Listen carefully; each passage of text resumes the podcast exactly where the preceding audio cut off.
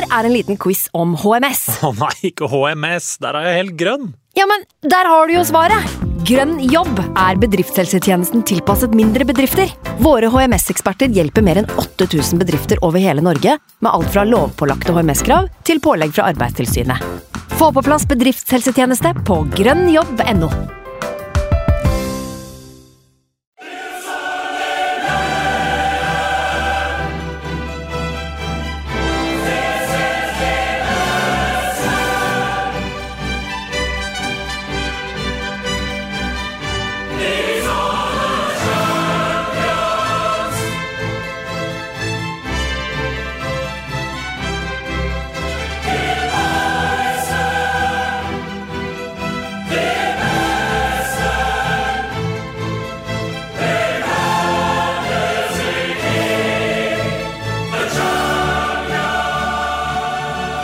station is Arsenal.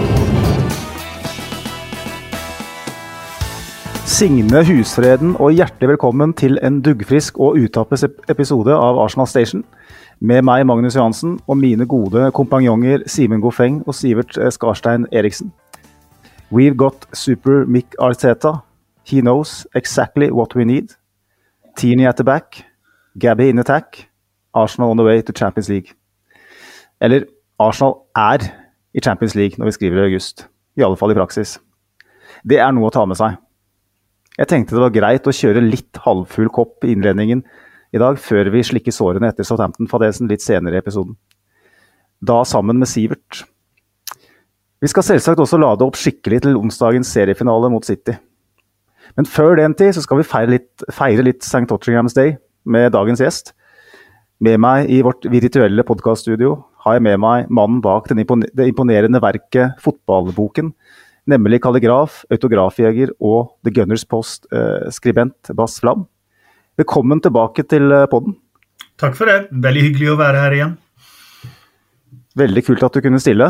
Eh, vi tenker jo å, å snakke en del etter hvert om det som skjer eh, her og nå. Eh, men Hale End og Akademiet, eh, det har ikke vi så god kontroll på som, som deg. Du skriver jo om det for The Gunners eh, Post. Eh, så det er spennende å høre litt hvordan sesongen, sesongen har vært for både U21 og U18, og hvilke spillere man skal eh, være oppmerksom på. Og må jo snakke litt om en Ethan Nuaneri og eh, Miles Lewis Gelly osv. Mm. Men eh, du eh, Sist du var her, Bass, det var vel i 2021. Eh, da var det pandemi, og vi snakka mye om at uh, den autografjagingen kanskje var litt uh, komplisert. Uh, Det var veldig komplisert under pandemien. Jeg fant noen nordmenn som hadde spilt i England.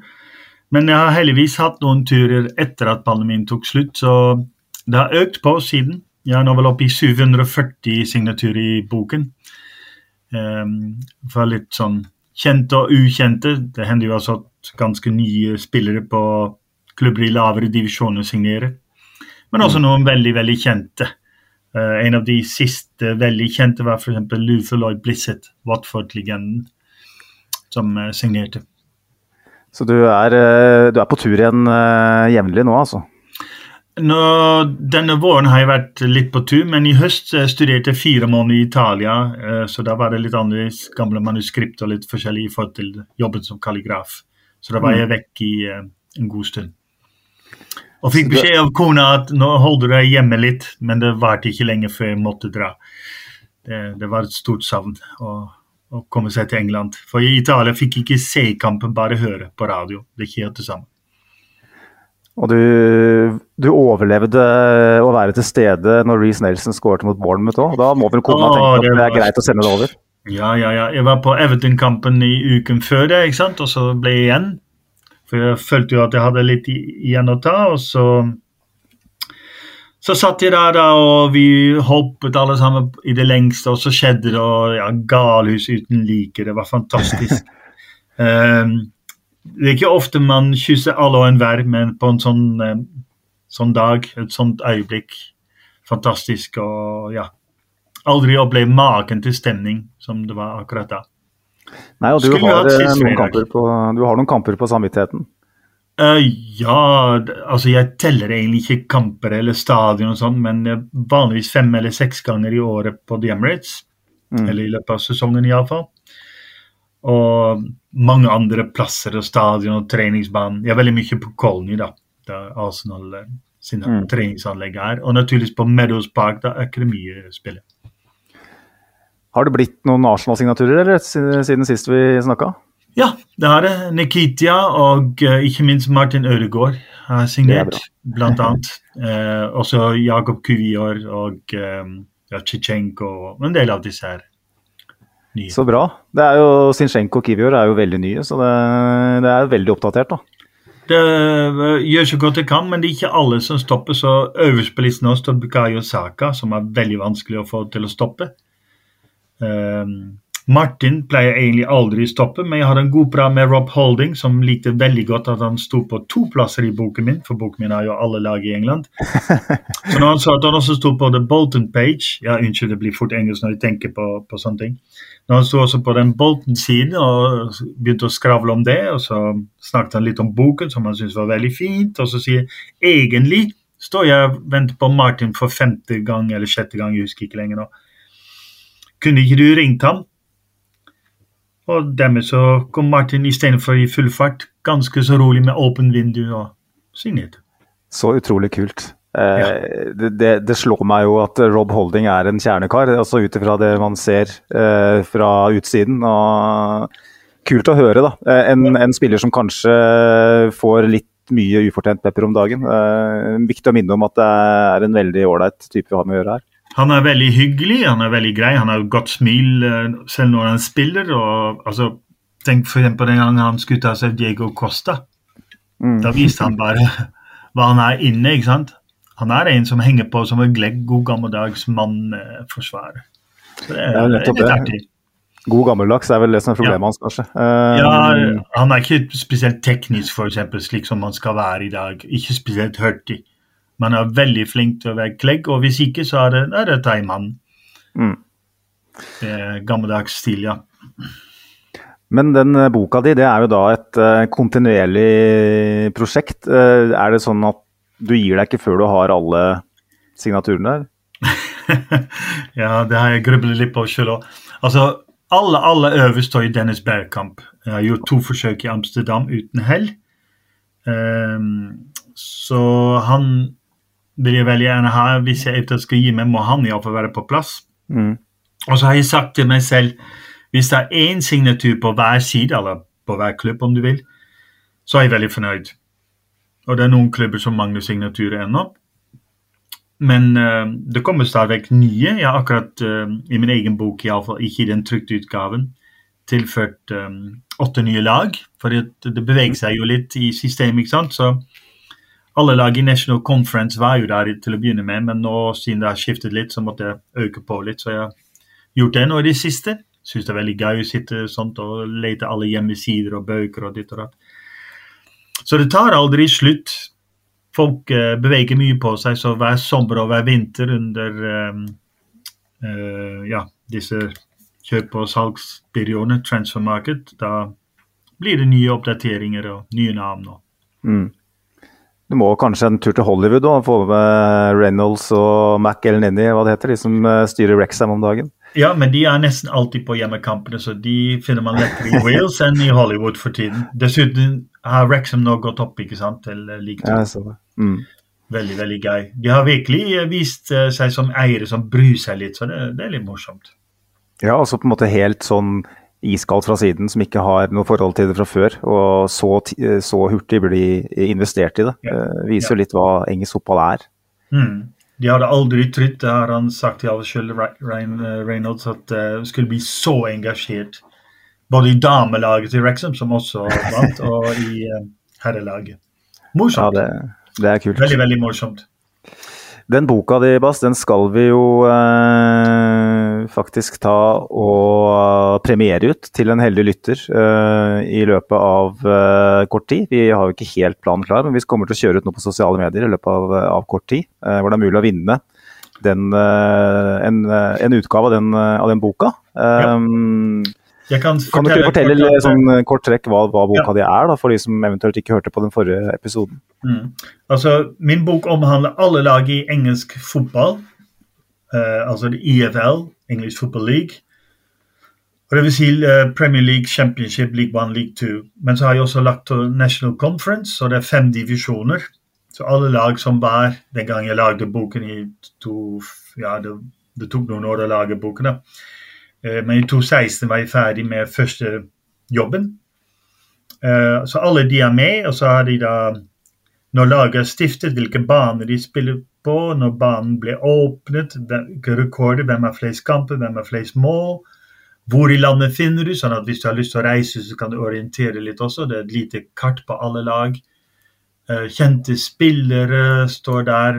Eh, Kallenavn, det er der jeg egentlig begynte med. Hvorfor heter noen f.eks. svarte katter eller karameller? Det synes jeg var fascinerende, så jeg begynte egentlig med det. Så jeg har forklart hvorfor de kallenavnene har oppstått. Eh, og, og så er det masse sånn informasjon. Så det er på en måte en oppslagsbok, men det er også en bok for den som liker å reise rundt, f.eks. besøke alle baner. Den som som meg liker å reise litt her og der og samle informasjon, eller bare for å bla og Var det sånn det var, eller husker jeg riktig, osv. For alle serieseiere og alle cupseiere står også der, f.eks.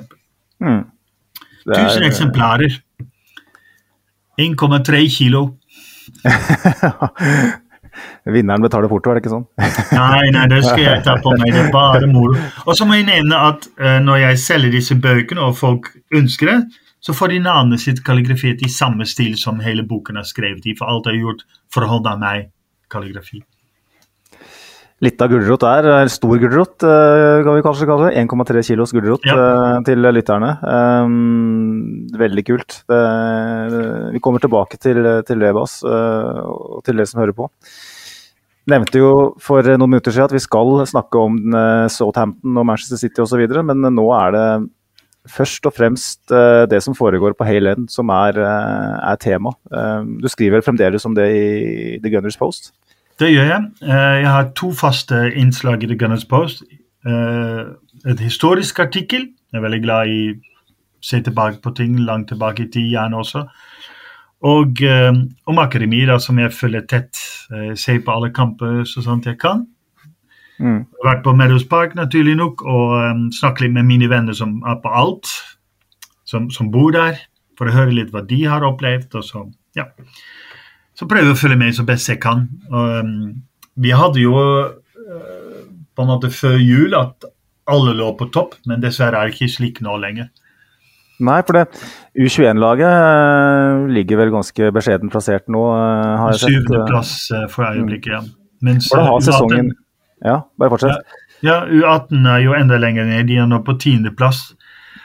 Um, det er jo litt artig at uh, U18 sliter jo da i serien, men de skal jo tross alt spille cup på tirsdag, finalen, Youth Mm. Cup, som blir veldig, veldig spennende. Men mot det beste laget, da. Westham har jo vunnet suverent serien. Så det blir spennende. For FA Youth Cup det er fortsatt ganske stort, er det ikke det? Eh, Det er på en måte som FA-cupen for disse ungdomslagene. Blir akkurat som eh, de FA Trophy er for de lagene utenfor systemet. Mm. Det er jo det største de har. Og FA Youth Cup er det største for ungdomslagene. Nettopp. Og det er jo utallige historier om FA, FA Youth Cup-lag hvor man ser tilbake 10-20 år senere på hvem var det som, som klarte å, ta steget videre. Eh, og Ja. den, den gjengen som, som spiller nå, der er det flere veldig spennende spillere. Ekstremt spennende spiller, men vi må jo kanskje først og fremst nevne treneren. For han var jo den siste som var i FA Youth Cup Final for um, Arsenal. Det må ha vært 2009 etter hukommelsen min. Da var Jack Wilshere i finalen. Stemmer, ja. Det er så lenge siden. Ja, jeg mener at det var 2009, men det får lytterne ha meg tilgitt, for dette går, jeg, går etter hukommelsen min. Og det var en veldig ung Jack Wilshere som eh, spilte. Og det er litt artig, for han er jo trener nå for dette laget. Ikke bare han, naturligvis, det er flere der, men han er den hovedtreneren, da. Han drar inn veldig mange gamle helter fra tid til annen. Det er også litt Mm. spennende. Her er forleden dag var jo Sol Campbell på, på Colney. For ikke altfor lenge siden var Chess Fabregas. Og ja, han dreier Ja. mange gode gamle helter. Er det, jeg vet ikke hva du har hørt, men er det rett og slett for å inspirere spillerne, eller er det de, sånn som Fabregas sin del, er det et ledd i at han da skal ta trenerutdanning? Nei, disse er bare Ja, Sol Campbell er jo for så vidt trener. Han hadde jo eh, Southend for en del eh, ja, Kan det være to år siden eller noe sånt. Men um, Sol Campbell er en av disse mange eh, som rett og slett ikke får jobb. England er litt sær på det området når det gjelder de som eh, ikke er typisk engelsk hvite. Jeg vet Mm. ikke hvorfor det er sånn. Men uh, Cesc Bregas var eksempel bare for å holde en tale, altså inspirere. Han kom faktisk før kampen mot Tottenham, bare for å snakke med dem. Der viser du hvilke um, gravity, da, for å bruke et engelsk begrep, enn Jack Wilshere har, som på en måte har vært såpass høyt oppe i det selv. Um, spennende, spennende grep. og Uh, vi kan kanskje komme tilbake til, til U18, starte med U21. Vi, vi, nevnte at, uh, vi nevnte at de hadde en god start, men at det har uh, butta litt. Hva, hva er hovedårsaken til det? Er det rett og slett spillelogistikken? Um, nå, nå er det sånn at i, i januarvinduet da, så, så, så er det mange som kommer og går. Mm. Uh, det er vel en av årsakene naturligvis til at det, det skjer mye. Det er veldig mange som enten går ut på lånet, kommer tilbake, går til neste, så man vet aldri helt hva man har. Fordi noen av de aller beste forsvinner jo gjerne fordi at de skal ha flest mulig spilletid. ikke sant? De, de, de må spille. Um, ja, altså til Ipswich eller til Colchester eller til Coventry. altså skal ta noen eksempler av de som jeg liker. Mika Birit, eksempel. Ja. Han, han er en skikkelig god spiss. Han er jo nå i Valveik i Nederland. Mm. Um, vi har noen som har gått til Wigan, men det var jo fordi at den godeste Colo Touré var der. Han fikk jo sparken kort tid etterpå. Uh, Brooke Norton Cuffy, eksempel, som er i Coventry. Veldig, Mm. veldig god spiller. Uh, Arthur Kongvo, vår eminente målvakt. Han forsvant jo uh, Hvor gikk han igjen? igjen? Han er i Østerrike, er han ikke det? I- det stemmer. Storm Graz, det var det, ja. Mm. ja takk skal du ha. Uh, Tyrese John Hughes er jo sånn kjempegod spiller, også på på lån. og- Ja. Mm. Og så hadde vi f.eks. en som jeg likte veldig godt, som kanskje ikke så mange fulgte med på, men uh, Harry Clark var en veldig god uh, forsvarsspiller, midtbanespiller, som nå har blitt uh, kjøpt tilbake av Ipsic, som han opprinnelig kom fra. Ja. ja, det er klart da, da Det å skulle liksom se på resultater og tabellsituasjonen, eh, det blir jo nesten sekundært, eller blir sekundært da, når, eh, når det handler om å utvikle spillere til, til førstelaget. Og det er vel Jeg vet ikke, altså jeg har ikke sett så nøye på det, men det virker for meg som det er flere gode spillere ute på lån det året her enn det nesten noen gang har vært. Eh, ja, altså det er jo slik at um, uh, det, det finnes jo forferdelig mange gode spillere. Du vet at I Middlesbrough har vi jo en av de som var en kanonspiller i lang tid på akademiet. Chuba Akpom. Og, og så ble det ingenting. Vi hørte ingenting. Og nå med Michael Carrick, ifølge ham sjøl iallfall, så plutselig blomstrer det. Og vi har mange slike. Altså, De fleste husker at før sesongen forsvant Omari Hutchinson til eh, Chelsea. Ja. Han vil jo ikke vente lenger for å si sånt, på, på sjansen sin. Det er ofte det som er problemet. Hvorfor Men hvor ble det av han? Ikke sant? Hvor ble det av han? Borte vekk. Eh, det, det er veldig, veldig vanskelig. Um, vi har mange mange gode spillere. Noen får jo sjansen på A-laget med Arteta. Altså uh, Amario Kosje Duberi, som er en av de virkelig virkelig spennende. En ny Bukayo Saka ifølge de fleste. Mm. Um, bare 16 år. Blir 17 år i løpet av sommeren, tror jeg. Han eh, har jo vært på benken, men ikke fått spilt, da. Men vi har hatt en del eh, Nvaneri Det er veldig vanskelig navn å uttale seg.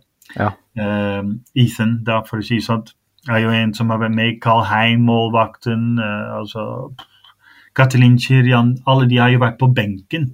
Noen ganger får de noen minutter, noen ganger ikke. Ben Cottrell, veldig god spiller. Um, ja. Så de, de får sjansen å, å prøve seg litt, men vi har også sånn at veldig mange fra U18 spiller på U21. ja, det har jeg sett. Ja. Og, og det òg medvirker også, fordi at du nevnte det så vidt. da. Hva er det som de egentlig kjører på? For det er veldig morsomt for Westham som vant U18 nå, altså serien, da, mener jeg. Mm. Men uh, Westham sitt U21-lag ligger på 11.-plass. Ja. Og Westham sitt A-lag vel, de greide seg uh, nå da med en god seier. Og kanskje de holder seg, er vel unt, men jeg tror Arsenal satser veldig bevisst på at ja, det er kjekt å vinne, alle vil ha en følelse av å vinne, men det spiller utviklingen, den personlige utviklingen, som er den viktigste. Mm. Og Det kjøres det veldig hardt på, og det sier både Jack Wilshere og Mehmet Ali hver gang. At det er nettopp det det handler om. Mm. Og, sånn, sånn må det nesten være. og um, eh, blir jo målt i mye større grad hvor mange spillere produserer du som ikke nødvendigvis slår gjennom eh, for Arsenal, det er jo hovedmålet, men eh, spillere som da eh, blir eh, profesjonelle fotballspillere på, på høyt nivå. Um, jeg tenkte vi kan jo ta um, bitte litt om han Mehmet Ali. Veldig ubeskrevet blad fotballmessig, egentlig. Han har ikke Wikipedia-side engang, så jeg. Nei, det er ikke så mye vi, vi, vi vet om han. Eh, altså, når han overtok etter Kevin Betzy, eh, så var det jo litt sånn overraskende. Ikke minst at Kevin Betzy gikk. Han gikk jo til uh, Colchester for å jobbe der. eh, Betzy og, og, overlevde bare to måneder eller noe sånt før han fikk sparken. Eh, jeg har møtt Mehmet Ali, hvis du kan si møtt. altså Sett ham live der på Meadows Park. Mm. En, en veldig rolig type. Det er det som man først legger merke til. Han hisser seg ikke opp. Uh, Jack er jo litt mer til stede sånn sett. Jack Wilshere og Ja. og lettere å få tak i naturligvis, for alle kjenner jo Jack fra før. Han har blitt roligere, naturligvis, men han er fremdeles ganske så engasjert også som uh, trener. Uh, og Mehmet Ali er naturligvis ikke alene om den jobben han gjør. så Du har jo alltid et treneapparat, det er mange involverte. For det, han var jo i, i Tottenham, eh, han eh, godeste Mehmet Ali, så jeg, i, i fire år før han gikk til Var det Reading? Um, Veldig, mhm. eh, så er han i Arsenal, da. Så det er spennende å se hva Nå er det sånn at de At vi har hatt mange unge eh, folk i, i posisjoner mange steder i klubben. eh, Og de blir jo plukka, det er jo sånn, sånn funker det. Um, men uh, Mertesaker har vel en, en viss kontinuitet, antar jeg likevel, i hvordan ting funker der. Ja, altså, jeg må jo innrømme at når jeg så at f.eks. Steve Bold gikk, om han gikk eller ble bedt om å gå, det, det vet jeg ikke. da. Um, men det var litt overraskende, for vi har jo hatt en tradisjon for å ha gamle helter. Pat Rice var jo lenge med på alt mulig. ikke sant? Bob Wilson som keepertrener hadde jo både Seaman og litt forskjellige av de som kom etterpå. og sånn. Så jeg ble litt overrasket, men de, de har gjort grep som tydeligvis fungerer godt. og det er jo mange som kommer tilbake til Arsenal. Ja, det ser vi jo ikke minst i A-laget, naturligvis, med Mikkel Arteta. Eh, men da, da hopper vi litt eh, fra det akademien hvis vi begynner på den biten. Men det er mange gamle Arsenal-helter som kommer tilbake for å bidra til en klubb. Så når Arsenal snakker om, og det gjør mange andre klubber, vi er som en familie, så kan man tro på det. For det virker virkelig sånn med tanke på at folk kommer gjerne tilbake. Vil være der, like seg der, savner det når de ikke er der. Så det, det er et godt tegn. Det er det absolutt. og Jeg kjenner meg igjen i det du sier der. Eh, Det blir jo uttalt i utallige fora, akkurat det der. Eh, Jeg tenker vi må, må jeg tenker det mest interessante, det folk har lyst til å høre om, er vel rett og slett noen enkeltspillere. Altså, det er jo nettopp det jeg har vært inne på, at det handler om å produsere uh, førstelagsspillere her. Um, tenkte vi kan begynne med han uh, som har sittet på benken nå siden Saliba ble skada. Uh, Rule Walters. Uh, ingen hadde hørt om han omtrent i det hele tatt, før han plutselig var på preseason-tour uh, i fjor sommer som den eneste fra Hale End. Um, hva kan du fortelle oss om han? Altså, han er Haureback, da. Um, Ja, det, det, er skrekkelig mange som har vært i akademiet lenge. Uh, Rua, det husker jeg ikke i farta hvor lenge han har vært. Vi har veldig mange som har vært siden de var bare åtte år. ikke sant? Eh, og noen mm. til og med på såkalt pre-academy. Men Rural Walters er en veldig solid, stødig høyre back, først og fremst. Men i akademia er det veldig viktig at de kan bekle flere roller. Så uh, du, du, får ikke plass i Asen hvis ikke du kan mer enn bare være god defensiv, så han er som alle andre veldig god offensiv med sine innlegg. Uh, plasseringsevne er der helt klart. Han har ikke fått så mange sjanser uh, ennå, utenom det i U21 naturligvis. Men uh, jeg vil tro at han i likhet med f.eks. Zack Ave Jeg vet aldri hvordan det uttales, det, Av eller Ave. Det er et mm. veldig vanskelig navn. Det er sånne rare navn med AWE som er ekstremt stødig der i midtforsvaret. Sånn. Når jeg skrev i The Gunners på, som for eksempel, så nevnte han at han var som en Tony Adams når jeg så på ham. Ekstremt stødig og veldig, vo veldig vokalt til stede. Mm. Rue Walters er en litt stillere utgave, sånn sett. Um, ja, hva kan man ellers si om han? Altså det, det, er så mange veldig gode lokale gutter som kommer fra området eh, London-området. Rule ja. er en sånn en, da. Ja. Fordi jeg tenker jo Mikkel Arteta er jo notorisk på å se mer på personlighet enn kanskje forgjengerne hans gjorde. Uh, ser jo de, og det, det er jo litt Mertesaker og Akademiet sin fortjeneste òg, selvfølgelig. Men man ser på de spillerne som blir uh, rekruttert til førstelaget ellers òg, er det er veldig mye sterke personligheter. Det er Mange ledere. Um, det at Rule Walters da får være med som eneste fra akademiet. Det, det var et veldig sånn tydelig signal. Jeg føler jeg at Det var mange der som man forventa at skulle være med. Um, og nå som Saliba er ute, så er han inne på benken, og Tomiyasu selvfølgelig da, i tillegg. Så det gjør jo mm. situasjonen litt mer prekær. Men han, at han nå anses for å være kanskje den som må inn, da, hvis Ben White da skulle pådra seg en skade. Og så er, er det her en type som du det er klart det er vanskelig å svare på, men er, er, har, du, har, du, hørt noe om personligheten hans? Er det en litt, litt sånn type altså, som kan gå inn? Det som er at eh, det er det mentale som er det viktige, naturligvis. Og jeg antar at det er det som er vurdert som den sterke siden for Real Walters. da. Den mentale biten. Fysisk er jo helt opplagt eh, ikke noe i veien.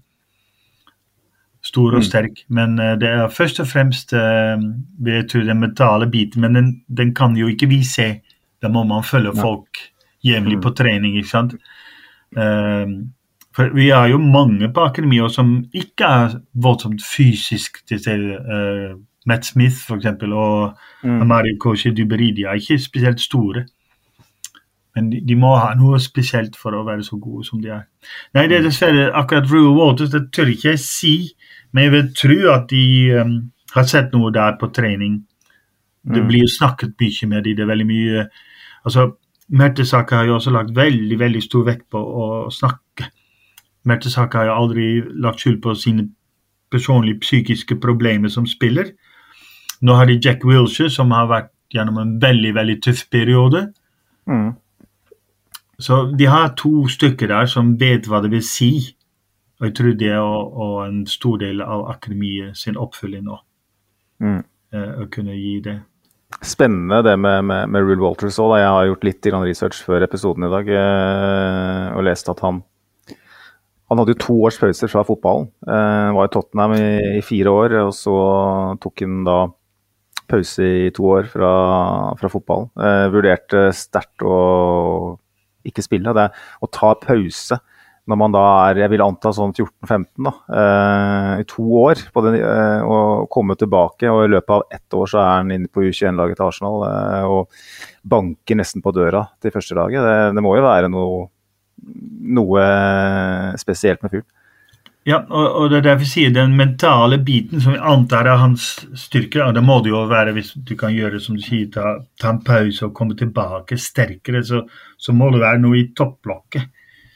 Én ting er at altså det, det, er hundrevis av gutter som er gode å spille fotball rundt omkring i akademier. Det er ikke bare Arsenal som har akademi som fungerer godt. ikke sant? Det er haugevis av dem. Så i boken til eh, Michael Calvin, uh, 'Living on the Volcano', snakkes det mye om det. Altså det, Av de 100 000 på akademiet, så er det kanskje tre som kommer til slutt frem. Mm. Ja, det, det er helt ubegripelige mengder med folk som aldri kommer lenger enn league 2, league One, kanskje, hvis de er heldige.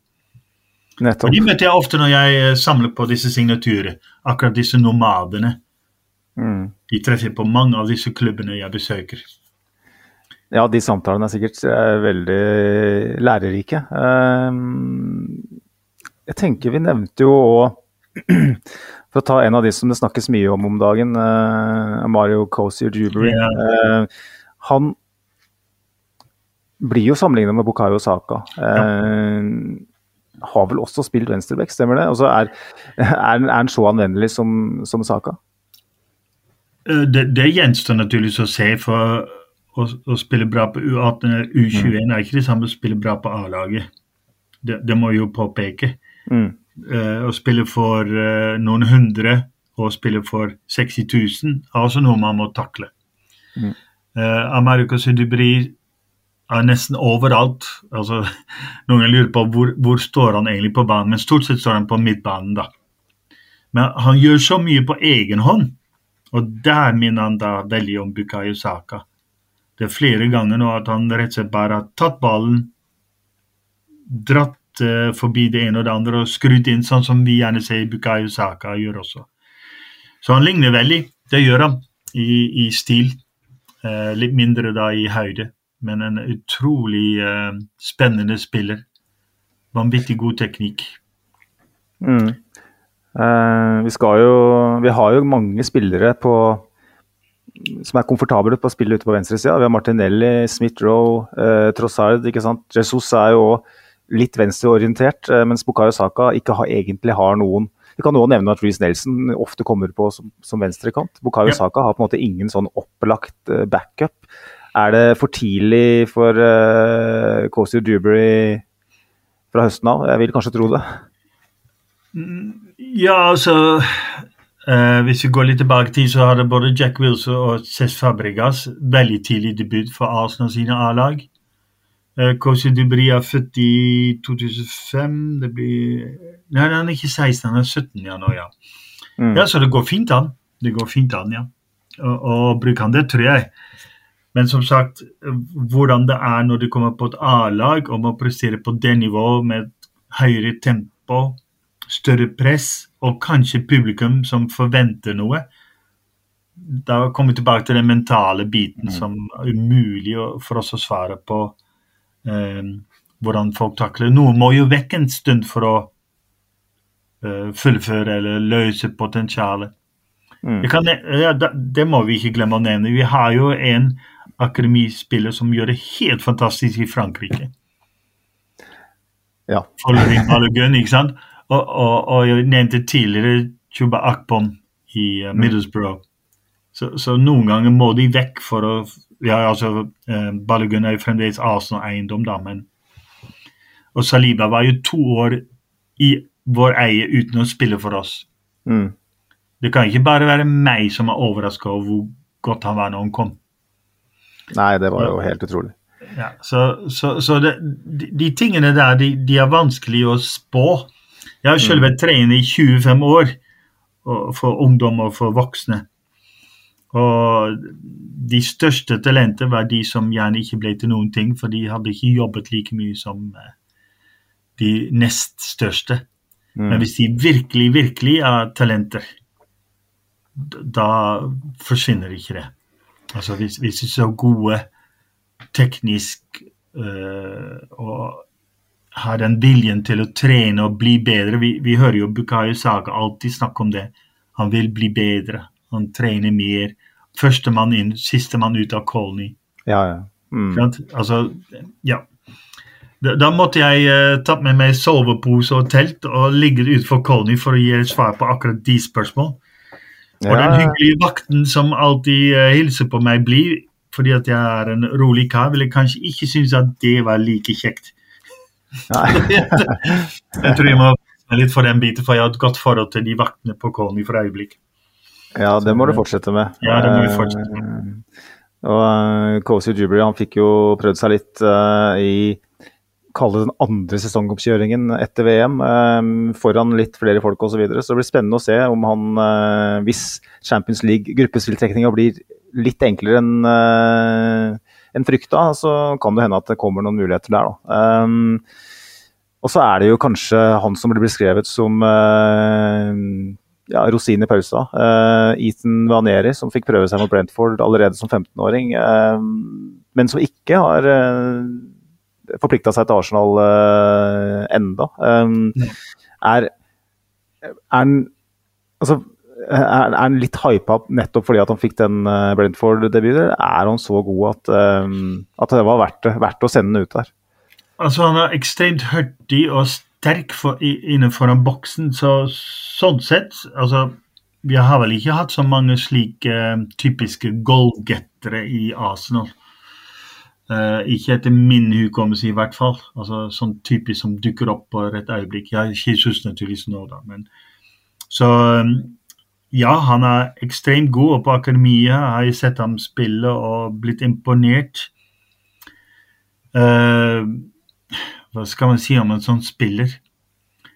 De er så unge, og, og vi håper jo naturligvis at de blir noe, men de, de kan jo egentlig ikke spille på A-lag, for hvem skal man ta vekk?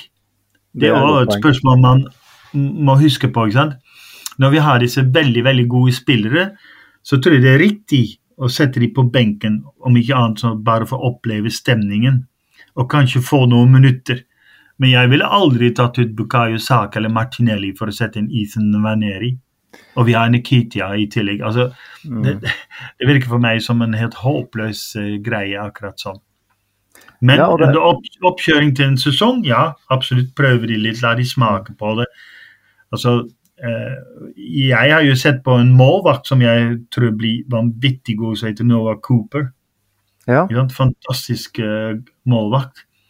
Men Altså, vi har Carl Hein, som kanskje er på lån, forresten, når det husker jeg ikke farta. Hubert Krasjik, eh, og så naturligvis da Aaron Ramsdale. Altså, det blir femte eller sjette valg. Ja, når, de kommer inn, når de kommer inn tur. Det, det, det, er utrolig vanskelig det der for disse ungdommene. Vi har uh, to uh, For lytterne som sikkert alle har hørt, de er jo nederlender. Så jeg er veldig opptatt av det òg. Jeg har jo tre nederlendere på akademiet i Idaho, og disse to uh, Ole Mahand-brødrene. Stemmer, de, ja. Hvem er Nederland? Ja, og Marek ikke også fire, når jeg tenker meg om. Men han er litt uh, tunisisk og litt nederlandsk. da. Men iallfall disse Ola Mahand-brødrene de er veldig, veldig gode. Men hvem, hvem, skal du ta ut for å gi dem en sjanse? Nettopp. Det, det, ja. Jeg er veldig glad at de ikke er Teta i den sammenhengen. Det må være utrolig vanskelig. Men, Maneri, det er jo selvfølgelig mye spekulasjoner. Eh, men vi har jo sånn som The Athletic, eh, som er relativt troverdig, som er på ballen her og, og melder at han absolutt ikke er sikker på om han bør forplikte framtiden til Arsenal, men at han også er ønska da i, i, City og Chelsea. Jeg tenker jo at han, han eh, Hvis han ser Todd Bowley sitte på tribunen, så bør det styre unna uansett. Men det er sånn som det holder på der. Men eh, hvor, hvor, er det sånn at fordi at Arsenal nå er i ferd med å etablere seg som eh, en toppklubb igjen i England. Eh, sånn at vi kan En liten del av oss kan mimre tilbake til den tida vi spilte mot Dundalk og osv. i Europaligaen og ga Saka de minuttene og Smith Joe de minuttene som gjorde at de ble førstelagsspillere. Og mye av årsaken til at Arsenal er i den posisjonen i dag. Det må jo være mye vanskeligere, eh, og det vil jo bli vanskeligere, eh, for en Vaneri og en Louis Skelly osv. å skulle etablere seg på første laget. Ja, det er det. og jeg tror det er derfor det er så mange som er på utlån. Mm. Altså, Vi har jo mange gode spisser, vi har mange gode forsvarsspillere. Alle sammen er på utlån. ikke sant? Eh, rundt omkring i England, i Nederland, i Spania, i Tyskland, i eh, Østerrike, som vi var inne på. Eh, de er jo overalt nettopp fordi at de får ikke spilletid i Arsenal. Og samtidig vil Arsenal få dem til å utvikle seg. Og Da må det bli sånn at du må sende dem ut på lån. Og mm. få de få minuttene i sesongoppkjøringen, og så må man gjøre opp status når du kommer så langt. Men ehm, jeg tror at mange av disse må ha ekstrem tålmodighet og ikke gjøre som Omari Hutchinson hvis de har lyst til å komme på A-laget. Da tror jeg ikke de kan forvente å komme inn på som 17- eller 18-åring, slik Nei. som det er nå. Rett og slett. De må nok vente på sin sjanse, Mm. og den vil komme. Det tror, jeg, det tror jeg på hvis du vil vente, for det blir skader, det blir Mm. overbelastning osv. Mm. Eh, som et eksempel på A-laget, eksempel, så, så var jo Kirin Teni helt ute. Og så plutselig må han trå til fordi at det skader. Blir syr. Ja. Så, ja. Mm. Det er et viktig poeng også. Det er liksom, Så- hvem, er det som på en måte får servert den muligheten? ja. Og vil, vil du vente, eller vil du ikke vente? Eh, hvis, hvis du ser det sånn På den måten så kan man kanskje forstå en kar som Omery Hutchin eller Harry Clark som gikk tilbake til Ipswich fordi de tenker ok, jeg kommer aldri til, og det kan de ha rett i. Men de kan også angre om tre år at de gjorde det valget, for da ser de plutselig at den som var etter dem, fikk sjansen. Eller får sjansen, da.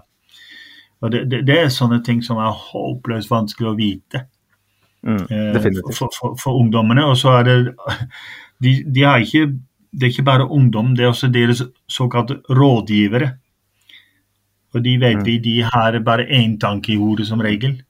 Og det, det er ikke utvikling av spillene, for å si det på den måten. Nei, det, det finnes det mange eksempler på med Anelka som kremeksempelet. Og um, um, det er jo ting som vi på en måte, når vi snakker på det nivået der, uh, ikke får innblikk i heller. Uh, så da kan jo en Umari Hutchinson se veldig lite intelligent ut når han tar det valget han gjorde. Uh, men vi vet jo ikke hva som har foregått i, i Nei. kulissen. ikke sant? Så- Vi vet ikke det. Men uh, siste også, Vi har jo haugevis med spillere på lån. Skulle vi ha snakket om alle dem i dag, så hadde vi aldri blitt ferdig. Eh, Men eh, det er én til som vi må omtale, som vi ikke hadde noe forhold til. Uh, I alle fall ikke jeg, du hadde kanskje det, men før sesongen. Og det er Miles Louis Kelly, som har vært litt i skyggen av uh, Nvaneri. Eh, det, de tabloide spørsmålet er hvem er best av de to? Ja, det er et veldig, veldig godt spørsmål. Altså, Louis Kelly ja, skårer jo mye mål. Eh, markerer seg veldig. Kanskje i perioder egentlig mer enn uh. Eh, I forhold til å dukke opp foran mål, så er det helt klart Vaneri bedre. Men det å skape og, og, og ja, eh, lage sjanser for andre, så vil jeg si at Lewis Kelly er et hakk bedre. Mm. Du, du sa jo at uh, vi har en til vi må snakke om, og jeg tenkte å, nå skal vi snakke om en av mine store helter. Men det var det altså ikke du tenkte på, for jeg tenkte på Charlie Patino. Ja, han er på lån, vet du. Det er derfor jeg ikke tenkte på det. det Ah, han snakka vi òg veldig mye om Ja. forrige gang det var. Men uh, Louis Geller, det står jo masse skrevet om han også. Men det som er interessant med Patino, da, for hvis vi skal ta avslutte med det, eh, altså, det er jo at det utlånet i Blackpool eh, så ut til å, å gå veldig bra. Og så kommer det inn det mange kaller en dinosaur da, i Ja. eh, McCarthy der. Eh, plutselig skal ikke Blackpool ha ball. Eh, plutselig skal han spille i et, et lag som spiller fotball på en helt annen måte enn det Arsenal gjør. Hvordan har det utlånet gått, og, og, hvor, og er det sånn at det er mindre nyttig nå, som han må spille på en annen, annen måte? Ja, altså, Chari får jo jevnlig sine sjanser i, i Blackpool, ikke sant? og de hadde jo en god runde i uh, cupen eh, en periode. Han var veldig aktiv, skåret til og med, og er fremdeles, mener jeg, en av de som vi må kunne forvente dukker opp på A-laget til Arsenal. Um, så, så det å spille på et lag litt ned i divisjoner som Blackpool, der de også må jobbe mye hardere for hver ball enn de gjør i Premier League, uh, tror jeg er veldig positivt for Charlie Patino. Han har jo hatt det på en måte litt sånn ja, Det kan man ikke si lett, da, men iallfall um, Med den enorme overblikket og teknikken hans, så, så, så var han jo gjerne et hakk foran uh, alle de andre. Mm. Men der, i, der han er nå, så, så får de ikke så mye tid, og det blir mye røffere behandlet. Så jeg tror at hvis han eh, kommer tilbake til Arsenal, som jeg håper han gjør, at han vil bli en spiller vi vil få veldig mye glede av.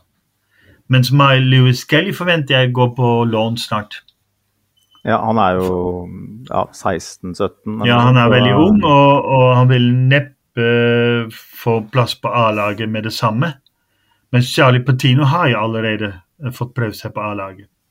Han så jo veldig ung ut. Da. altså I motsetning til Bukayo Saka, når han fikk sjansen på første laget, så så du at Charlie Patino på en måte, han var ikke ferdig utvikla. Han var ikke klar for å spille for Arsenal i, i Premier League. Det å gå, da, gå til championship og spille mot eldre menn, for å kalle det det, og større menn, eh, det må jo være bra. og da Spørsmålet da er jo da hvor er muligheten til, til Charlie Patino? Altså, nå ser vi jo veldig tydelig at med Sjaka ute, så har vi egentlig ingen sånn opplagt uh, venstre åtter som kan spille sammen med en Zinchenko som er så offensiv. En som har defensive fibre, som kan lese spillet bedre. Uh, og så har du da i sekserrollen i Thomas uh, Party og Jorginho spillere som er i sin, kall det september av karrieren, da, og vel så det. Kan Charlie Patino bekle begge de rollene? og Er han god nok defensivt? Leser han spiller godt nok til å, til å kunne gjøre det? Jeg, jeg tror sånn umiddelbart at Charlie Patino ikke er en god løsning rent defensivt. Alle tar jo sine defensive roller, det, det, det har vi jo sett. Absolutt alle gjør det. Mm. Men uh, jeg tror ikke Patino er den utpregede defensiv uh, midtbanespiller. Granit Xhaka, som du nevner, da, da, tror jeg vi må gå på Matt Smith hvis vi skal finne noe som kan minne litt om det. Det er Matt Smith som spiller på eh, U21. Og han er vel 2-23 år allerede? Uh, 22, tror jeg, men det, ja. det, det, det tør jeg ikke si i farten. Uh, kaptein som regel på uh, U21. Mm. Han er en typisk sånn defensiv, stødig, fordeler ballene, er tilgjengelig. Jeg kan ikke helt se for meg Patino i den samme rollen. Patino er et hakk lenger foran, mer som Martin Ødegaard, på en måte. Ja, for der har vi jo mange etter hvert. Eh, ja, så det er jo spørsmålet. Hva, hva er hans vei? Hva hvor ligger på en måte veien hans inn i, i, i laget? Så nå skal vi spille Champions League, så vi, vi, har åpenbart plass til flere. Men det er jo sånn i dag at, at Fabio Vieira kosta 30 millioner euro ish. Og så har man ja. en Smith-Roe, man har en som eh, også muligens skal bekle en sånn rolle. Så har man en Granit Xhaka som eh, kommer til å være her. Eh, en Jorginho ja. som potensielt er her. Det er veldig og Det er lett å glemme Elneny, men han har gjort den jobben, han òg. Og han har gjort den ganske stødig de gangene han ble bedt om. Han er jo ikke den som vi legger mest merke til, men han er en sånn type som bare balanserer en midtbane. Mm. Så det er mange, og det er derfor jeg sier ja, En ting var jo den mentale biten vi var inne på. Det, det, kan ikke vi si så mye om, for vi kjenner ikke guttene godt nok. Jeg har prøvd å snakke for med George eh, Lewis, altså vår nordmann der borte, men ja. man får jo ikke folk i tale, ikke sant? og det er håpløst vanskelig, det der. Men det å, å, vite at det er fem eller seks foran deg i køen, og det gjør et valg Skal jeg være her? Skal jeg være på utlån og forbli Arsenal-spiller? Eller skal jeg si, vet du hva, bare glem det. Jeg går til en annen klubb og Ja. Mm. Det, det, det, må være utrolig vanskelig når du bare 17-18 år. Når det er 22-23, så vil jeg tro at man begynner kanskje å ane ok, det blir ikke meg. Men når det er 17-18, mm. da må det være vanskelig å Ja, da kommer disse rådgiverne inn i bildet igjen. Er, ja. Broder Anelka. Ja, altså nå, nå, er jeg en av de som mener Anelka var veldig god for oss, også, men det, det, skjedde mye der. Det handler mye om penger. Ja, ja. Alle salg og ja. Men som spiller var han jo fantastisk. Ja, ja, Uforglemmelig jo... Eh, opplevelse med Anelka på topp. Helt vanvittig. Uh, så ja.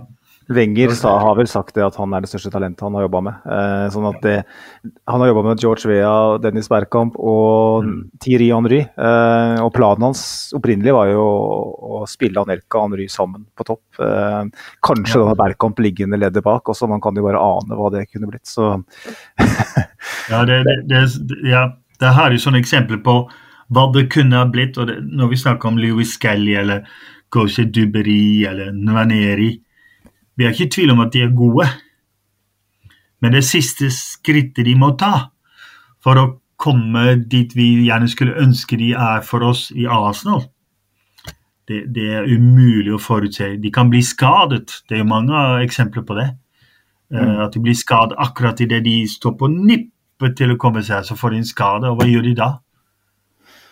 Nei, Det er så mye tilfeldigheter. og Jeg syns du har vært veldig godt inne på det. Både når det gjelder det mentale. Tilfeldigheter, hvem, hvem, hvilke vei finnes det inn i, i førstelaget. ikke sant? Så, ja. Men jeg tenker, eh, Bass, vi har eh, et, et stramt uh, tidsskjema. Gikk i alle fall 20 minutter over det jeg hadde tenkt om Hayland. Uh, så det uh, fordi at det er så utrolig spennende å snakke om det. og kunne egentlig holdt på kjempelenge, men vi, har, um, vi skal kjøre en egen bit nå etter hvert, uh, litt senere om ja, Southampton City osv. Så, -hmm. uh, så jeg må bare um, takke deg nok en gang for at du tok deg tida. Uh, og, og minner igjen om en bok som kan vinnes for en heldig lytter. Ja, og, og får lov å nevne at uh, jeg har en Instagram i forhold til fotball som heter Fotballboken. Og, og det handler naturligvis om boken, men det handler først om alle de jeg møter. Mm. Så hvis noen skulle ha interesse av det, må de gjerne kikke på det. Der uh, er jeg inne og følger, så det, der er det mange kjente fjes som dukker opp. Uh, så det, det, anbefales virkelig. Um, Bass, da er det vel egentlig bare å krysse fingrene. foran onsdag og resten av sesongen. Vi... Foran tirsdag. Foran tirsdag. Du glemmer noe viktig her. Vi må ta Youth Cup først, og så kommer onsdag. Ja. Det er derfor du er her. Så skal jeg, skal jeg knaske, knaske, hjertemedisin før onsdag, og så kose meg med tirsdag, tenker jeg. Eh, får du heller stresse litt mer med den tirsdagen, for det Jeg tror nok at jeg, som deg, blir mer stresset på onsdag, men eh, ja, takk for det likevel. Veldig hyggelig å være her. Du kommer helt sikkert til å bli invitert igjen, Bas. Bass. Eh, vi burde gjøre det i hvert fall til en årlig greie, så vi får litt uh, kvalifisert bistand når det gjelder det vi ikke har tid til å dekke selv. Um, da gjenstår det bare å si lykke til, Bass, og så høres vi. Det gjør vi. Yes, da takker vi igjen til Bass Flam, som nok en gang bidro sterkt sin, med sin kunnskap om Hale End. Um, nå er det på tide å snakke om det vi alle tenker på, uh, nemlig gullkampen i Premier League. Uh, Southampton-fadesen, St. Otriamus Day, Champions League uh, og ikke minst City på, på, onsdag. Og Sivert Skarstein Eriksen, nesten rett fra sykesenga, sitter her på skjermen foran meg her. og Det var ingen selvfølge at du skulle være med i dag, Sivert? Nei, det var ikke det. Det var ikke det torsdag kveld så deisa jeg omtrent i bakken, eh, i bakken hjemme og sleit, eh, sleit en, en, en, liten periode.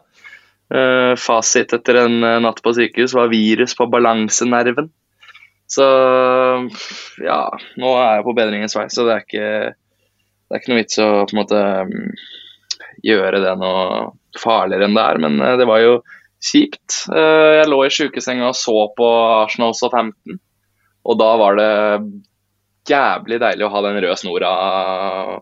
Eh, det, det, må jeg bare si, Magnus. Eh, på 0-3 der. Nei, på, på 2-0 der. Så når Walcott bare dunker inn 0-2, da, da, da, da, nappa de den røde snora. Det skal jeg bare, ja, skal jeg bare fortelle. Da måtte, da måtte jeg ha vann. jeg må ta noe helt annet enn vann, men uh, jeg tenker jo at uh, virus på balansenerven fort kan bli kronisk når man, uh, når man bivåner noe sånt. Uh, ja, en sånn anledning, ikke minst. Nei, det var ikke noe hyggelig i det hele tatt. og jeg, jeg, jeg, hadde jo ikke rom alene, for jeg var jo på den overvåkningsavdelingen. hadde ikke blitt flytta ennå. så på, på 2-0 der så kom det noen gloser som selv de aller sykeste rundt meg måtte løfte opp huet og se hva som foregikk. Nei da, det var bare meg som så på Arsenal, det. ja, nei, det, det, er jo Altså, at man skal havne i et sånt scenario i, når Arsenal spiller om gullet. Eh, kanskje kaster bort gullet. Eh, det, er, det, det misunner jeg ikke, altså. Eh, det var nok enkelte hjemme her som òg mente at jeg burde bli overvåka av folk med hvite frakker, men det var ikke av fysiske, årsaker. Eh, når Thomas Party valgte å banke til fra 35 der, da revna det faktisk for meg, altså. Det revna. Nei, da, var, da ble jeg forbanna sjøl, da. Det, å, fy faen. Nei, jeg, jeg, Du kan jo gå litt videre på den, eh, Magnus, hva du tenkte, men fy faen. Fy faen. Altså, det er så sinnssykt urutinert av vår argumenterbart, argumenterbart mer, mest returnerte spiller. Mm. Um, jeg forstår ikke hvor du kommer fra. Nei, det gjør ikke jeg heller. Eh, Jeg så jo det var noen som prøvde seg på å forklare dem at uh, at han hadde fått beskjed om å skyte fra, fra stadion der, men uh, jeg, jeg syns det er ganske syltynn. Uh, Thomas Party er eh, 29 er han, ja. Han har spilt eh, om både ligagull og Champions League glory for Atletico Madrid. Eh, har vært i Arsenal nå i en del år. Eh, hvis eh, Roger og Karstein på tribunen roper 'skyt', så, så gjør du jo ikke det. Nei, du gjør ikke det, altså. Du spiller den bredt på saka, det, det er det du gjør. Men eh, vi skal ikke bruke all tida på å tenke på det øyeblikket. Um, først og fremst så skal vi snakke om eh, det som skjer på onsdag. Som faktisk, uh, hvis helsa di eh, fortsetter den positive utviklingen du skal være til stede på, faktisk, Sivert, på Et- eh, Ja, det er en eh, Det er og blir en kamp mot klokka, det der, altså. Um, Jeg fikk noe Fikk en sånn eh, Fikk noen kortisonpiller som skulle En kur som gikk fram til onsdag. Og han sa at innen da så bør du være oppe og gå, altså. Så er jeg det. Så skal jeg stå på Etiad og, og, og bivåne. Eh, kanskje det som kunne vært den viktigste kampen vår siden veldig lenge. Nå er det vel på sett og vis også det, men altså forutsetningene våre er jo ikke det det kunne vært. Mm, Da du kommer fra tre uavgjorte resultater. Det er det ikke. Men det er fremdeles i våre hender, Magnus. Det er det. Det er det. Um, åpenbart eh, seks poeng fattigere på de siste tre. Um, Liverpool borte, fair enough. Uh, uavgjort der, det Den, den er grei. den, det er et ok resultat. Uh, Westham borte klarte vi å bortforklare ganske godt i poden i forrige uke, som muligens du hørte på, jeg og Simen. Vi eh, klarte jo å komme fram til at det, at det òg var greit, uh, på sett og vis. 3-3 hjemme mot Southampton. Det er ikke greit. Nei, altså 15% av målene Southampton har skåra i år, er mot oss. Uh, hvor de henter det fra, vet jeg ikke. Uh, at, at vi ikke klarer å, å, å slå Southampton, verken hjemme eller borte, det er jo kanskje tittelavgjørende. Mm. Men i hvert fall utrolig surt. Og altså, vi har jo en gruppechat, eh, vi to, Magnus. Og, hvor vi er veldig opptatt av at her må det være lov å si at dette var ikke bra nok. Uten å tenke på de neste ni månedene og de foregående ni månedene. De 90 minuttene var virkelig under pari. Det er en eh, Jeg kalte det en kollaps, som så mye ansvarlig for Arsenal Station, og fikk eh, for så vidt litt kritikk eh, for det. Eh, men for meg så er det en soleklar kollaps. Og så klarte selvfølgelig Tottenham å gjøre at at det kanskje ikke fremstår som noen kollaps da, etter at de slapp inn fem mål mot Newcastle på 21 minutter i dag. Men det er altså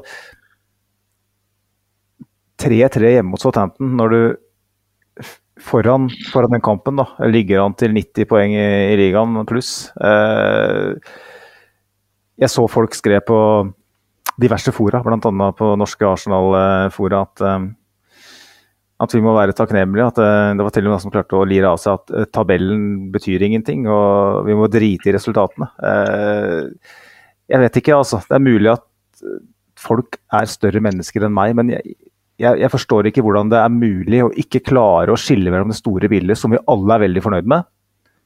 Alle er fornøyd med det Arsenal har gjort i år. Alle er fornøyd med Mikkel Ariteta og det han har bygd, og vi er veldig positive med, med tanke på framtidsutsikter. Man må klare å skille mellom det og de 90 minuttene mot Southampton. Eh, ta med siste 45 mot Westham òg. Det er jo en liten kollaps altså for en, altså en tittelutfordrer. Vi må jo ikke, vi må jo ikke altså, underselge oss sjøl heller og si at, at det bare er en sånn derre Det at vi er i den posisjonen vi er, det skal vi bare være evig takknemlige for. øh, ferdig, liksom. Uh, Syns det blir litt vel mye vaktbikkjer, vel mange vaktbikkjer ute og går på sosiale medier som skal fortelle oss at, øh, at det her, det er at det er greit. Vi må, vi må akseptere det. og så- det gjør vi jo for så vidt på mange vis, men at vi må på en måte vi, vi har ikke lov til å være skuffa. Da. Vi må bare svelge det og, og, tenke på at vi slo Tottenham i januar og United i januar, og da er det greit. Uh, jeg syns den debatten som har vært på sosiale medier de siste dagene, har vært, vært preg av en splittelse der. Da. Det er noen som på en måte allerede er ferdig med sesongen, uh, virker det som, og er fornøyd. Mens jeg og mange andre, tror du og Sivert, tenker at vi er i en gullkamp. Vi har kommet oss ja. hit. Altså... Da, da, må man få lov til å være skuffa over å spille uavgjort hjemme mot 20.-plassen i Premier League. Slippe inn tre mål mot 20.-plassen i Premier League.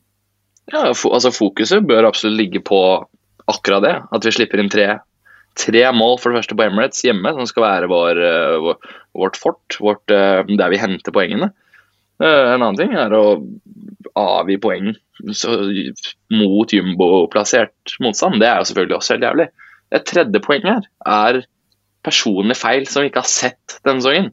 Når vi ikke har sett det på så lenge, så må vi jo bare Vi må jo ta det. Vi må jo ta det ved rota. Kan ikke bare late som det ikke skjer. Ramsdale er den første til å forsvare han. Altså Jeg hadde gått i krigen med Ramsdale med bare nevene hver dag hele uken. Men at jeg skal sitte her på podkasten og ikke si at det han gjorde etter 30 sekunder var hodeløst og rett og slett patetisk dårlig, det må det være rom for. Mm. For altså, jeg hører mange si, eller leser at mange skriver, uh, det blir vel riktig, at uh, ja, men gutta er for unge og sånne ting. Ja, greit det. Og vi har skader. Ja, greit det også. Men det er, for det første, vi snakka om Partis da. Rutinert spiller. Det har ikke noe med alder å gjøre. Saka Martinelli, det er jo de som bærer oss. Mm. Saliba er ute, det bærer vi preg av med holding. Disse tingene må det være lov å nevne. At holding ikke er bra nok. At Ramster kløner det til. Selv om jeg har sagt før, Holding er bra fjerdevalg. Han, han, gjør så godt han kan. Det her er ikke hans feil. Han burde ikke spilt i, i innspurten i en tittelkamp. Det vet han selv òg, men nå, nå, må han gjøre det. Og han gjør uh, oppbygningen, uh, hele side Altså, alt blir svakere eller gjort annerledes eller løst på, på en annen måte med holding. Og, og det, det, må være lov å kommentere det, uansett hva det er. At uh, Party var grusom mot Westham og, og ja, mindre god mot studenten. Kan ikke jeg nevne det, da? Selv om han har vært ja, kanskje vår tredje-fjerde mm. beste spiller i år. Det er viktig å også jeg, jeg, tror jo vi Nå skal vi ikke bruke så veldig mye på tid på deg, Sivert, men vi i Arsenal eh, Station vi har jo eh, hatt eh, såpestykket og vaselinflaska ganske fint plassert på vår høyre side eh, på nattbordet hele sesongen. Og vi har skrytt det laget her og de spillerne her oppe i skyene. Og vi er ikke i tvil om Og det med rette?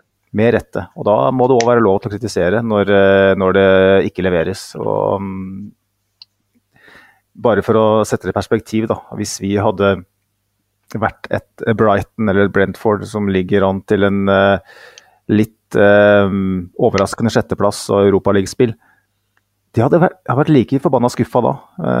3-3 uh, hjemme mot Southampton. Er, vi er vi, vi, kan på en måte ikke unnskylde det med at vi har en gjeng med unge spillere og at vi har, som jeg sa, da, gjort det godt tidligere i sesongen. Selvfølgelig så setter vi det på kontoen for ja, det faktum at vi ikke er klare for det, kanskje. Og det, det aksepterer vi, men vi må kunne kritisere det. Eh, og jeg kaller det en Nå har vi selvfølgelig City foran oss. Eh, ikke foran oss på tabellen, men vi har City-kampen foran oss eh, i kalenderen. Eh, vi kan fortsatt vinne den eh, ligaen her, men hvis vi ikke gjør det, så, så kommer vi til å huske den kampen her. Believe altså, you me, jeg husker eh, andre øyeblikk som, som, ligner. Jeg husker Swansea hjemme i 2016. uh, for eksempel, da. man glemmer ikke det det er en, det er en, det er en svikt, det er en, en kollaps. Uh, og man klarer, hvordan man klarer å svare på det over tid, er jo det som gjør hvordan den gjengen her kommer til å, til å huskes. Men akkurat i øyeblikket her og nå, så, så, føles det fryktelig unødvendig å har gitt bort to poeng til Southampton. Det må vi bare si. Ja, altså Vi skal ikke bruke måte, hele kvelden på det, men Altså, Vi begge er enige om at når vi får den sesongen her på avstand i juli, når Declan Rice har kommet inn portene og vi, og vi måtte, reiser oss opp for en ny sesong Vi kommer til å gni oss øynene. Jeg kommer til å sitte på, på Norwegian og bestille bortetur i Champions League med Arsenal. Altså For første gang på hva da, syv, åtte, altfor mange år. Altså, jeg kommer jo til å det, smiler fra øre til øre. og Det er altså fantastisk sesong. Men det må legges litt bort når man analyserer 3-3 mot 20.-plassert studenten. Mm. Så, enkelt er det. Så, enkelt, så, så enkelt er det i mitt hode. Hva gikk galt da, Sivert? Også når vi snakka om uh, Ramsdale sin uh, forferdelige opptreden etter 30 sekunder, eller hva det var. Og vi har snakka om kanskje uh, Kall det en bitte, litt, bitte, liten mental svikt. Jeg vet ikke om vi skal kalle det det, men hva, hva gikk galt sånn fotballfaglig i den kampen her? Nei, altså Det blir, det blir jo altfor enkelt å peke på f.eks. At, vi, at vi er mye dårligere i, i build-up-play uten Saliba. fordi Holding hadde jo starta på sånn enten. Altså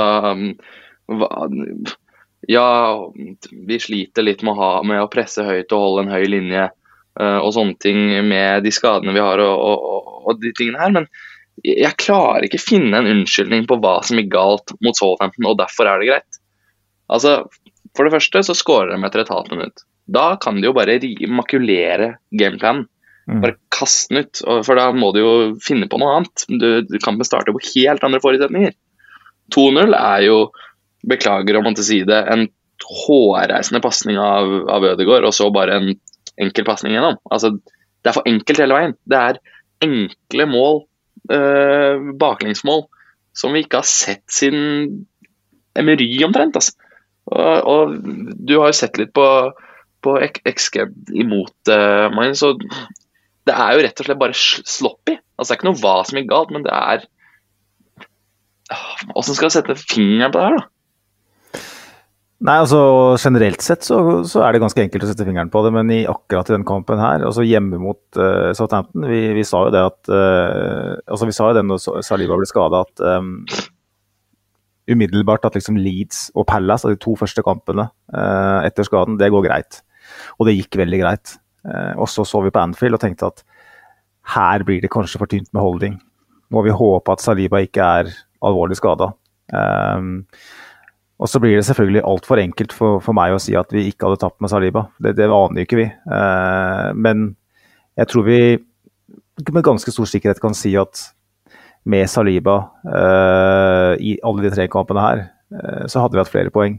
Kampen hadde, eh. kampen hadde ikke gynga så mye på 0-2 verken mot Westham eller Liverpool. Altså, vi hadde ikke latt oss blitt uh, vi, hadde, vi, hadde, ikke latt London Stadium og Anfield-publikummet bare hause opp hjemmelaget og bare spytte oss bakover i banen med Saliba. Det nekter jeg å tro. Jeg vet, altså, nei, jeg, jeg, tror nok vi hadde hatt en bedre sjanse. Og jeg tror i alle fall Southampton hjemme hadde altså, Det er klart det er lett å si, for det er ikke Rob Holding sin feil eller Fabio Vieira sin feil heller, at uh, Ramsdale gjør det han gjør. Uh, vi gjorde det jo samme mot, mot Bournemouth på, på, på, sett og vis. Vi ga bort uh, Vi starter egentlig med 0-1. den snudde vi, men det, det var jo bare tilfeldigheter at, vi, snur den kampen. Skåring etter 97 på volley fra hjørnet av 16-meteren. Hvor ofte skjer det, ja? sånn at man starter med henda bundet bak på ryggen, egentlig. Og um, det kan man ikke skylde på Roll Holding eller Vieira eller Kieran Tierney for den saks skyld, hvis han skulle spilt sånn som han gjorde mot Westham. Um, men jeg tror nok det at grunnspillet vårt lider voldsomt av, uh, av uh, savnet av Saliba. Og jeg var jo veldig klar på det i forrige episode, at jeg, jeg tror jo at uh, det faktum at Kieran Tierney spilte i den inventerte rollen uh, i stedet for Sinsrenko mot Westham, gjorde at, at, det var kanskje viktigere, uh, enda viktigere uh, årsak til at vi ikke vant den kampen. tar, fjerner 50% av, den, av det grunnfjellet som det forsvarsfireren vår faktisk er. og så hadde vi, i mine øyne, et like tungt fravær eh, mot Southampton i Granit Sjaka. Eh, spørsmålet mitt til deg, da, Sivert, når vi skal begynne å analysere Martin Ødegaard slår bort ballen, ja. Eh, men tilstedeværelsen til Fabio Eira defensivt generelt sett eh, Han var jo ikke å se eh, i, i, det momentet. Eh, jeg kan ikke si at jeg sitter og nistirra på denne episoden flere ganger, men jeg fikk jo et inntrykk av at Theo Walcott plutselig var 20, 2010 Blackpool uh, hat trick uh, på Emirates. i første omgang der. Han var liksom på det nivået. Jeg har ikke sett Walcott så god på så lenge. Og Elionussi så plutselig god ut. Eh, nå spilte han for så vidt på andre sida, men poenget mitt er Er det naivt på Premier League-nivå å stille med en åtter som har null tilstedeværelse defensivt, null defensive fibre, når man da har Zinchenko på venstrebekken som går så høyt? Um, det åpenbare etterpåklokskap-svaret på det er ja. Um, jeg var jo veldig krass ute på, ute på Twitter og skrev at, uh, at, ja, at Fabio Vera er dritdårlig. Bare skrev jeg. Og det er en sannhet med modifikasjoner. Altså. Det er en spiller der. Det er, det, det er greit. Uh, når jeg har sovet på det både i egen seng og sykehusseng, så, så skal jeg si at uh, det er greit. det er en spiller der. Men altså Isolert sett mot Southampton, da. Bidrar ikke i noen ende. Veik, passiv, lite progressiv. Han tar ikke tak i noen verdens ting. Og, og, og da spør jeg meg selv, da. Med, med Jorginho der inne, får Southampton de arbeidsforholdene på midten der til å slå de stikkerne på Theo Walcott, til å, til å spille De spilte jo trekanter rundt midtbanen vår. Altså, det er, det er jeg, jeg, jeg, visste helt ærlig at Granit Xhaka ikke var så jeg, jeg, visste ikke at han var så viktig for oss. For Svaret på det er ja. Det er naivt. Og om du skal ta den naive inngangen til det, så syns jeg da må du starte Leandro Trossard altså, i den alteren. La han roame rundt sammen med, sammen med Jesus og Martinelli eh, der oppe. For ved å starte Viera, så har du åpenbart allerede bestemt deg for at Ødegård uh, sin motor og, og Party sine muskler holder på den midten. Uh, jeg, jeg, skjønner ikke hva Fabio Vera liksom kunne bidratt med i, mot, mot det Southampton-laget der. Tanken Eller, må jo ha vært at, uh, at, Arsenal skal eie ball, stå høyt. Uh, våge, tørre, uh, styre med en Fabio ja, Vera da, som er en kreatør. da. Ja, eh, som går på, de, går, på de, går på de andre løpene inn i boks eh, for å skape, eh, skape overtall da, mot en, en, lav blokk. Men så slår Ramsdale ballen bort eh, etter 30 sekunder, og så er gameplanen i vasken. Jeg, jeg si, altså, eller enda, Da er argumentet enda større for at, for at Men det problemet jeg, jeg, er helt med deg på Trossard. Men jeg vil ikke si at sånn fra et defensivt ståsted, det er nødvendigvis eh, et bedre valg, det aner jeg ikke. Men jeg tenker mer sånn det å ta vare på ballen, eh, resirkulere ballen offensivt. Eh, sjansen for det er jo mye større med en Trossard. Men jeg tenker jo at utgangspunktet at Fabio Geira har vært i Arsenal i snart en hel sesong. Eh, Arteta forventer at han skal kunne gjøre den jobben. Problemet er at han gjør ikke den jobben. Du, jeg var på Brentford borte i oktober. Eh, Fabio Vera. Åh, for en spiller. Jeg satt og koste meg med han i, i samtlige 90. Men sånn, det er åpenbart en spiller der. Det er ikke det, det er ikke, jeg er ikke her for å sage en Arsenal-spiller, jeg. Men enten så må du gå inn med en sånn defensiv eh, trygghet når Sjaka er ute. Sette Party og Jorginho som en slags sånn pivot på midten. Ha Ødegaard foran, gå litt back to basics. Og hvis du absolutt skal ha disse åtterne, da syns jeg tross alt er det åpenbare valget. Jeg, jeg skjønner ikke hvordan Viera er tiltenkt å gå inn i en sånn Sjaka-rolle. Jeg, jeg, så Arteta sa det på pressekonferansen, at uh, det er derfor vi henta Fabio Vera. tilfelle Sjaka var ute og sånne ting. Jeg, jeg, jeg ser det ikke. Nei, um, fyren uh, er jo slankere enn meg når jeg ikke i 50-klasse. Altså, han, er, han er syltynn og liten og for så vidt kanskje trenger, trenger han en hel sesong og vel så det for å, å bygge, bygge, seg inn i i en sånn rolle, da. Men uh, den brutale sannheten er jo at han ikke er klar nå. Uh, og jeg tror jo at med Sinchenko uh, på venstre bekk, som vi nok helt garantert kommer til å kjøre videre med, så forstår man jo mer og mer Uh, hvorfor det snakkes om Declan Rice, uh, kanskje i tillegg til en uh, Carcedo. Jeg tror jo personlig ikke at det skjer, da, men jeg tror det må bygges et fundament uh, dypt på midten som kan tåle to kamper i uka uh, neste sesong. Uh, og med en så offensiv uh, back med en så utrolig fri rolle, så kan det nok hende at at det å ha en, en venstre åtter som er like offensiv, eller mer offensiv enn Martin Ødegaard, er utopi. spesielt i de, i de, store kampene. Og når det ikke funker mot Southampton, så klart da Og det er jo altså, det er flere årsaker her. Også Zinchenko, Thomas Partey, Martin Ødegaard gjør enkle feil i pasningsspillet. Spillere vi kanskje jo, ikke, ikke, bare kanskje, men i aller størst grad forventer mest av en sånn type, type match. Og i stor grad de, er det de etablerte som svikter, da, i mine øyne. Fabio Eira er lett skyteskive, og jeg er helt enig med at han ikke fremstår bra, men um, det blir jo litt sånn vanskelig å analysere. Er det her rett og slett eh, at grunnstaben i laget bare svikter? Eh, eller, er det, eller, er det, det taktiske eh, som er for naivt? da? Eh, tenke hjemme mot 20.-plassen, så kan, bør du kunne komme unna meg og starte med Fabio Veira. Eh, og hvis du ikke gjør det, så er iallfall det et tydelig signal på at Eh, Granit Xhaka er ekstremt viktig for strukturen i det laget. Måten han leser spillet på, måten hvor han fanger opp eh, de løpene som kommer, og, og ligger der og, og, dekker det rommet som er forlatt av Zinchenko. Og ikke gjør jobben til Gabriel helt umulig. da. Jeg syns Gabriel dessverre de siste par kampene har vist tegn på å være prega, men eh, hva skal du forvente? da? Han, han, dekker jo omtrent en kvart bane alene defensivt.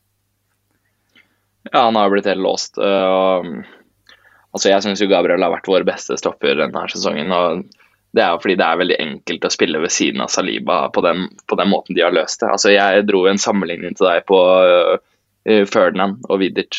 At uh, når Rio bare sto og styrte sjappa der som en Saliba-figur, så fikk Vidic, altså Gabriel, lov å bare gå i krigen. Uh, vinne, gå opp i mann, vinne hver eneste ball, takle som en gud og høste, høste praisen. Og når Rio og Ferdinand da var ute, så så Vidic litt sånn så litt så litt hodeløs ut. Mm. Så, så, litt etterpå ut ved flere anledninger. Det er sånn det er å fjerne Premier Leagues beste midtstopper. Uh, det har ikke noe med holdning å gjøre. Det er bare at uh, da får du et helt annet ansvarsområde enn du har hatt i syv måneder. Og det er klart at det kommer til å skinne igjennom. Mm. Det er bare sånn det er. Uh, og jeg syns både Zinchenko og Jesus, som jeg er de som har gjort oss til et topp fire-lag denne sesongen. Ikke bare på banen, men på feltet også. Mange intervjuene har sett, mentaliteten de kommer inn med fra første dag. Vi kan vinne tittelen. Og fantastisk fotballspillere. Jeg elsker begge to. Men de hadde jo sin verste kamp i Arsenal-drakt, begge to, mot studenten. Så det er jo bare å stikke fingeren i jordet og si at det her var svakt. Øh, jeg vet ikke, jeg tror ikke det bare var et arbeidsuhell. Altså. Jeg tror vi må Jeg tror Arteta må finne opp kruttet litt på nytt.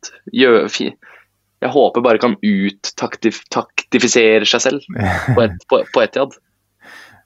Nei, det, det, blir spennende, og det skal vi snakke litt om snart. og jeg tenker jo Det du, du, du sier om Jesus og Zinchenko er viktig. nå. Um, begge to spillere som eh, spiller med følelsen utpå drakta. Um, eller hjertet utpå drakta er vel egentlig rett uh, begrep. Um, men i City så spilte man da med følelseskalde De Bruyne, følelseskalde Rodry, ikke sant. Uh, flere spillere som uh, som jeg nevnte for et par episoder siden, altså det som Wenger sa. Uh, emotionally invisible, altså følelsesmessig usynlig.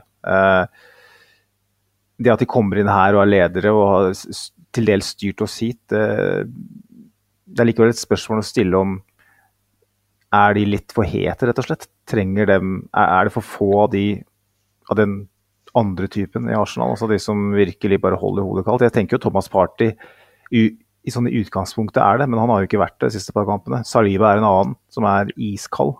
Saliba er eh, helt klart en av de.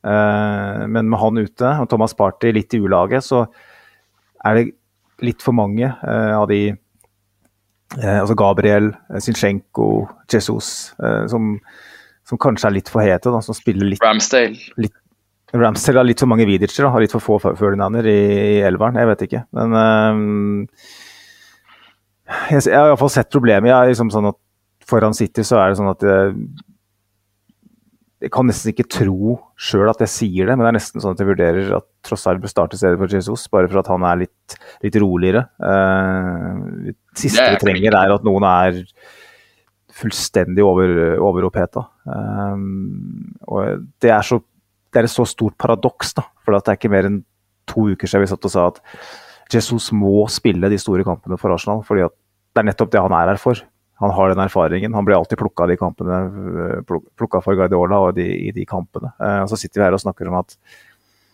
han ikke har kjøligheten og roen til å starte. Da. Jeg, jeg synes Det er veldig vanskelig Og, Og igjen, det er litt fordi at han har vært der siden august. Da. Han har vært skada nesten halve tida. Men det er sånn Hva tenker du? Er, det, er jeg inne på noe her, eller er jeg helt ute på vidda?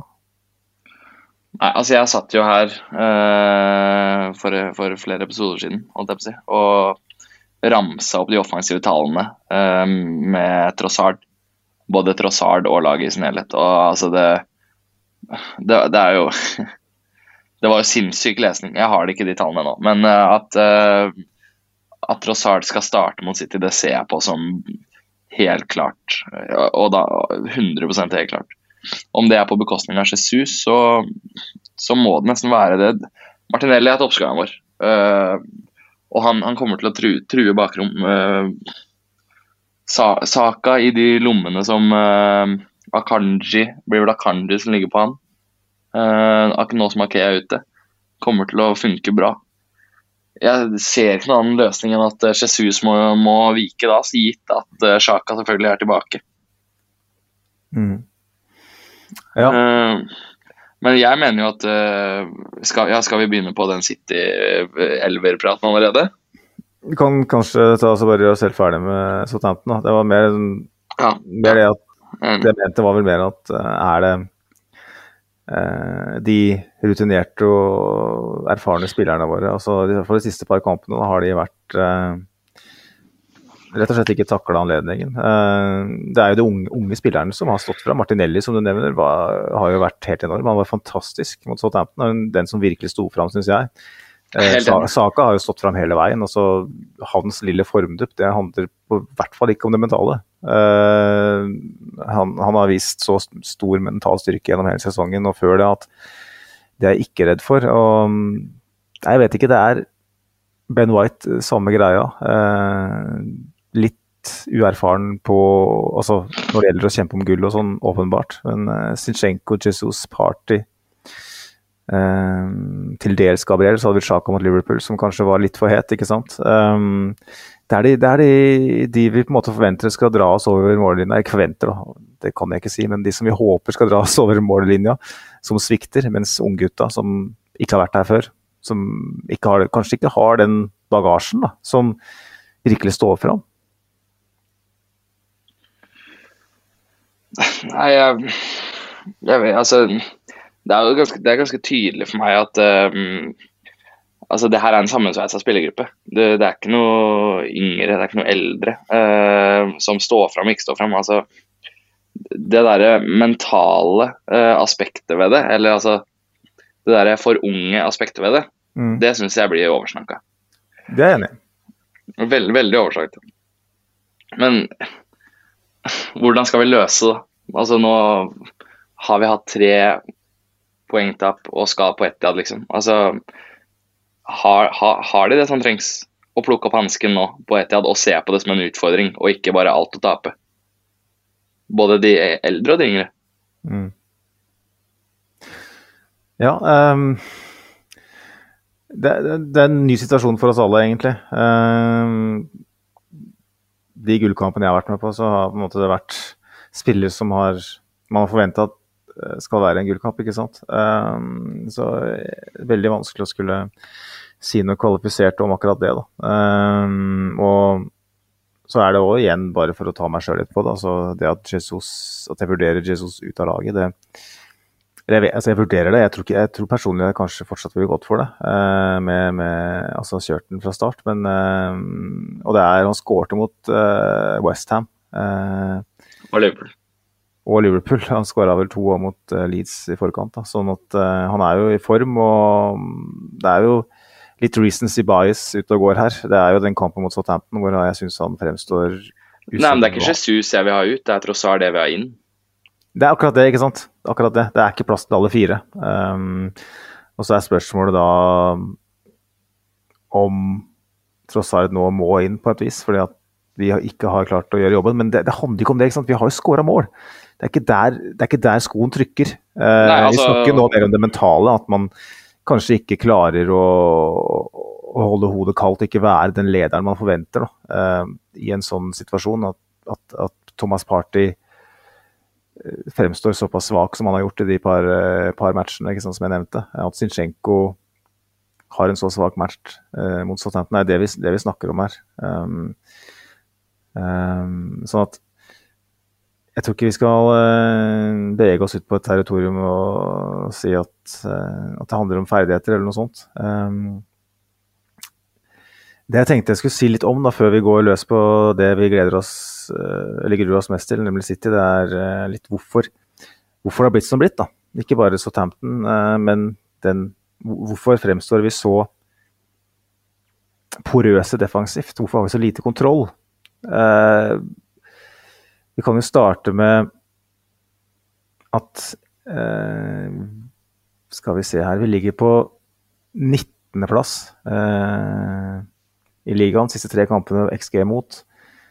Eh, igjen veldig, veldig sånn Det er jo tre kamper. Det er vanskelig å skulle konkludere, men det sier jo litt om hvor vi er. Men totalt eh, sesongen under ett så er vi på andreplass eh, bak City. Eh, og selv om vi har sluppet inn flere mål hjemme enn Nei, er det Jo, er det ikke da? Vi har kun Leeds og Southampton som har sluppet inn flere mål hjemme nå eh, sesongen her. Eh, uten at vi skal ta den der hjemme versus borte-greia. Så, så har vi allikevel, sånn totalt sett, en veldig god XG, men imot, da. Men vi, vi har jo snakka mye om Saliba sin skade. Ehm, eh, men vi kan trekke det litt lenger. Etter eh, VM så har jo eh, Arsenal vært vesentlig svakere defensivt enn før VM. Så er jo de tre kampene her med på å booste de tallene, for så vidt. Men XG imot før VM var 0,84 per kamp. Etter VM 1,41. Det er nesten en dobling i XG. Ehm, og det, det stemmer godt med øyetesten i, i mine øyne. Um, før Saliba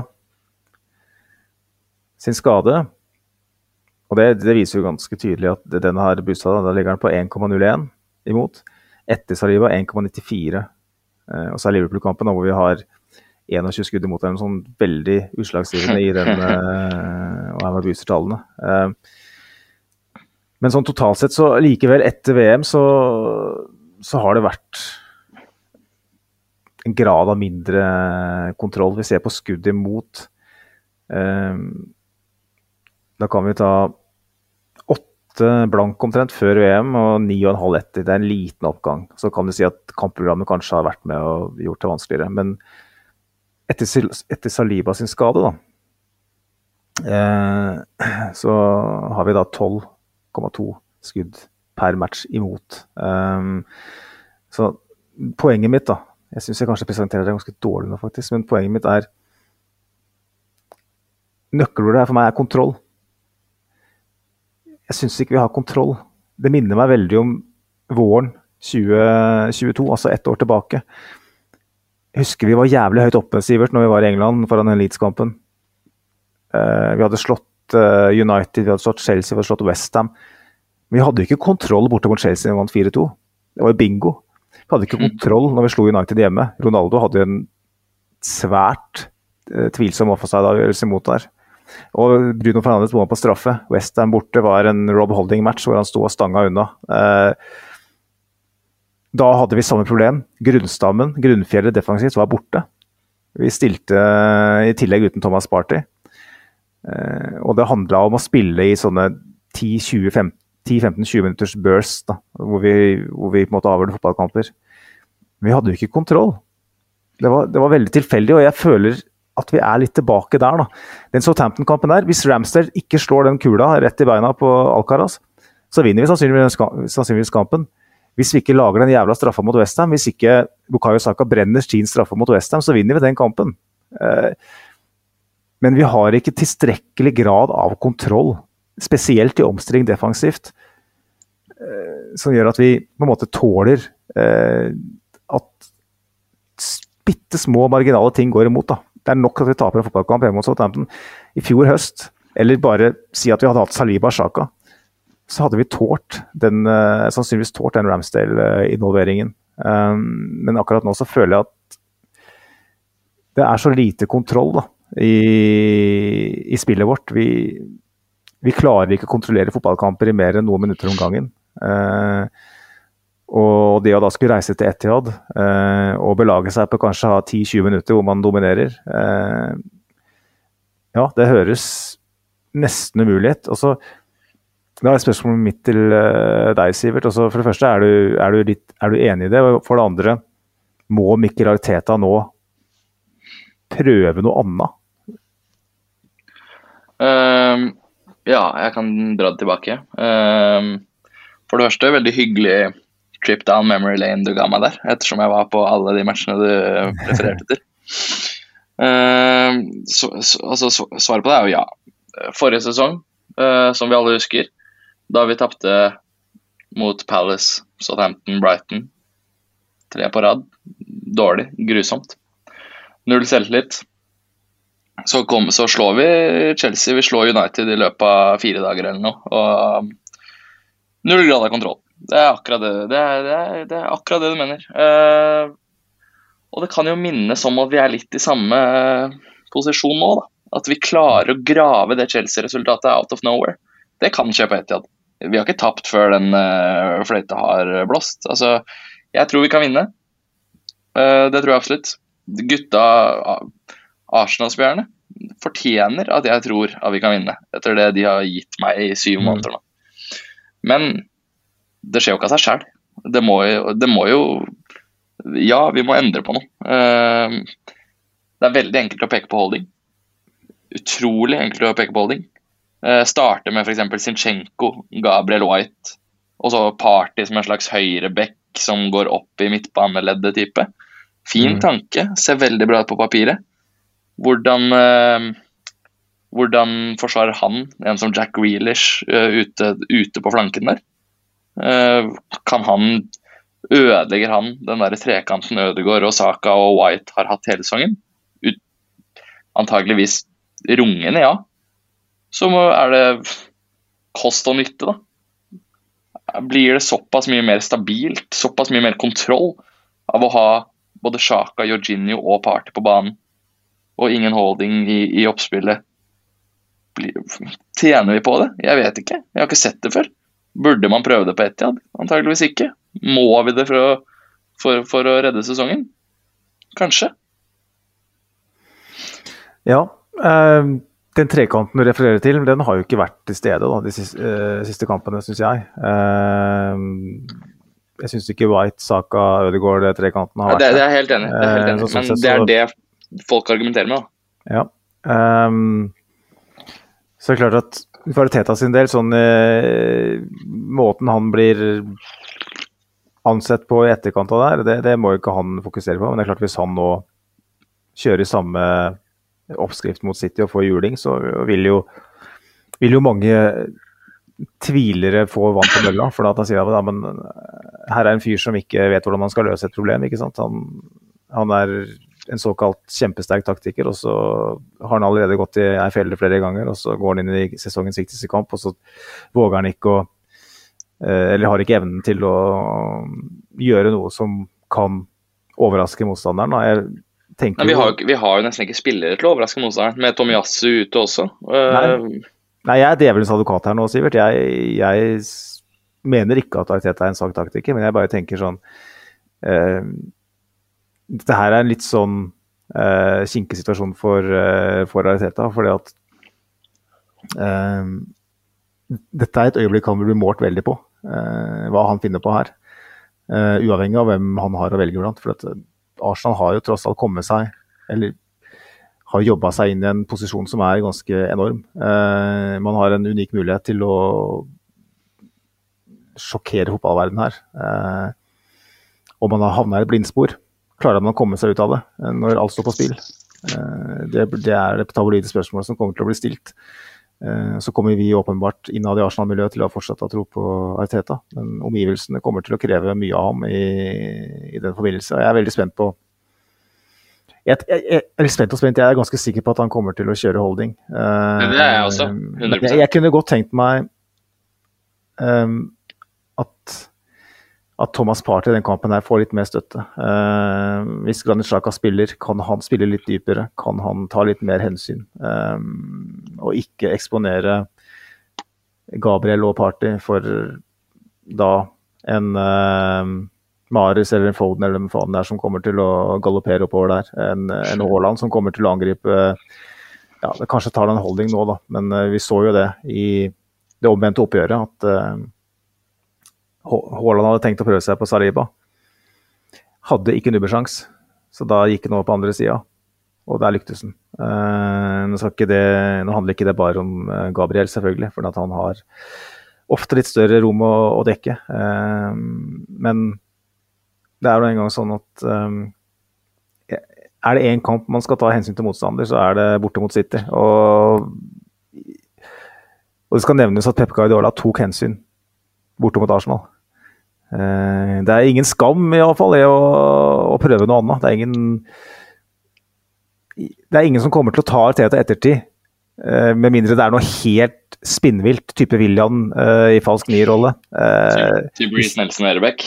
Nettopp.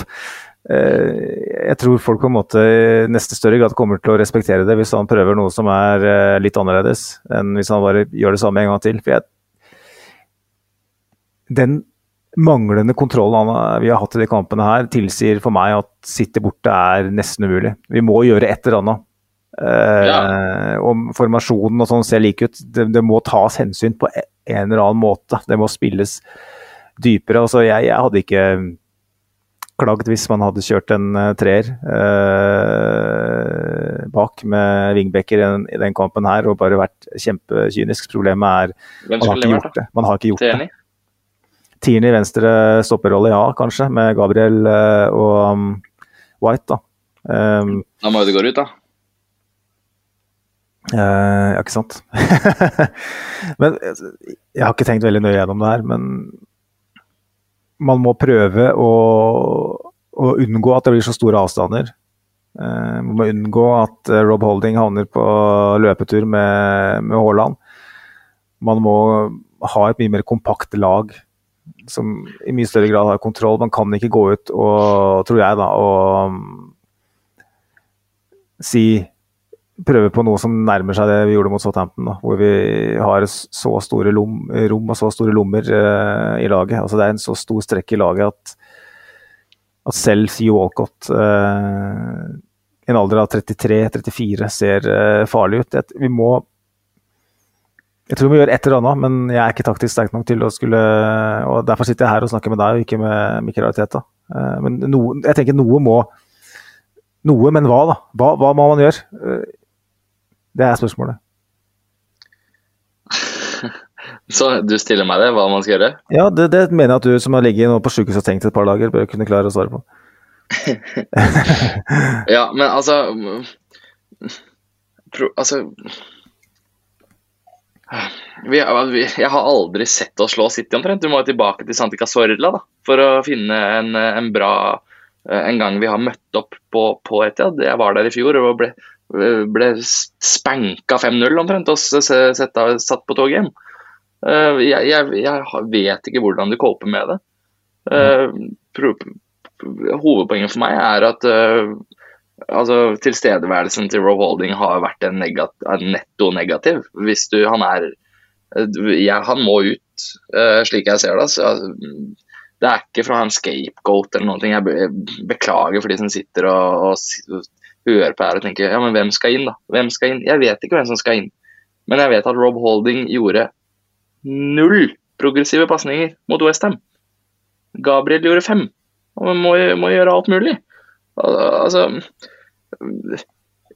ja, jeg, jeg, vet ikke. Jeg, jeg, har jo alltid sagt at jeg er jo ikke noe jeg er jo ikke noe taktiker. Men uh, vi trenger Sinchenko, og vi trenger ingen holding. Åssen løser man det, da? Nei, altså Det åpenbare løsningen, sånn jeg ser det Nå satt jeg og fabla om en tre bak og sånn uten å tenke gjennom hvem som skal spille der. Men det jeg har tenkt over, er jo, og for så vidt veldig mange andre har tenkt over og er jo kan Thomas Party Jeg vet at du snakka om Grealish osv., men kan Thomas Party gå inn i en eh, invertert høyreback-rolle, sånn at man får Jorginho på banen? Da får man én spiller til som kan kontrollere den ballen, som kan å ta vare på den. Eh, som ikke skaper brudd imot i hode og røv. Ben White er åpenbart inn som stopper. Er det, det er det eneste tingen jeg kan se for meg sånn, som ikke er ikke på en måte flytter på alt som er uh, av spillere. Kivior skal selvfølgelig ikke inn der. Uh, Rule Walters skal selvfølgelig ikke inn der. Uh, det er ingen som skal inn der som ikke har spilt fotball for Arsenal i store anledninger tidligere. Eller i det minste for en annen klubb i samme størrelsesorden. Men spørsmålet er, det, er det her såkalt for å oversette til norsk, skohorning, altså sjuhorning av uh, spillere. altså Sånn som vi ofte gjorde i Wenger sine siste år, hvor alle de beste offensive spillerne skulle på banen.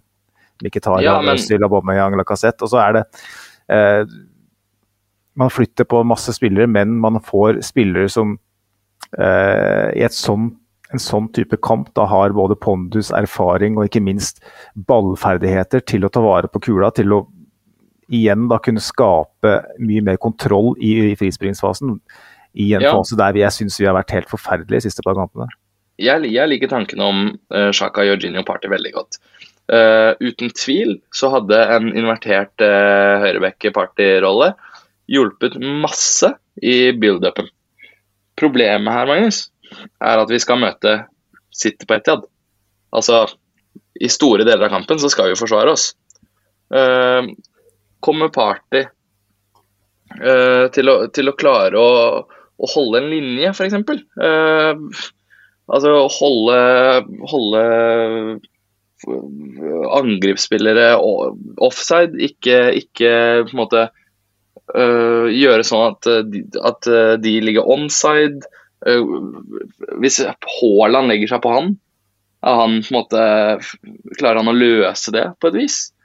Eh, jeg vet ikke. Det, jeg føler at det her er en av de som ser jævlig bra ut på, på papiret. For du leser mm. bare å, Party, White, Gabriel, Eugenio, Chaka, mm. krigere. Men åssen løser man det i praksis, da? Når du skal ha Grealish, Haaland, KDB som har hvilt i en uke. Dundrende mot det. Skal White trekke ut, da? Ja, han hadde jo hanskes med Grealish, han. Det er klart han hadde det. Skal, hvem skal ned der, da? Sjaka ned der som en sånn fungerende sviper midtstopper omtrent. Nei, å, jeg er redd, jeg. Jeg er seriøst redd.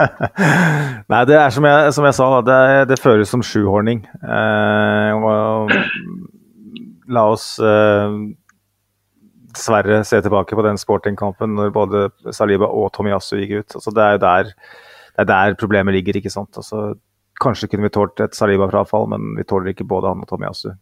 Da, eh, da er på en måte materiellet vi har å, å velge blant, for svakt. Og um, alternativene med tanke på både materiell og, og formasjoner er begrensa. Så jeg, jeg, jeg, så klart at Arteta hadde jo ikke kjørt uh, Rob Holding uh, på Anfield hvis man ikke har hatt noe annet valg, på et vis. Det er litt der jeg tenker, da. Eh, jeg føler ikke at han har så veldig mye valg, da. og det, da er jo den Thomas Party på høyrebekk, som har spilt høyrebekk, tross alt, spilte høyrebekk noen minutter, også mot Leeds, var det vel. Sånn at eh, kan gjøres.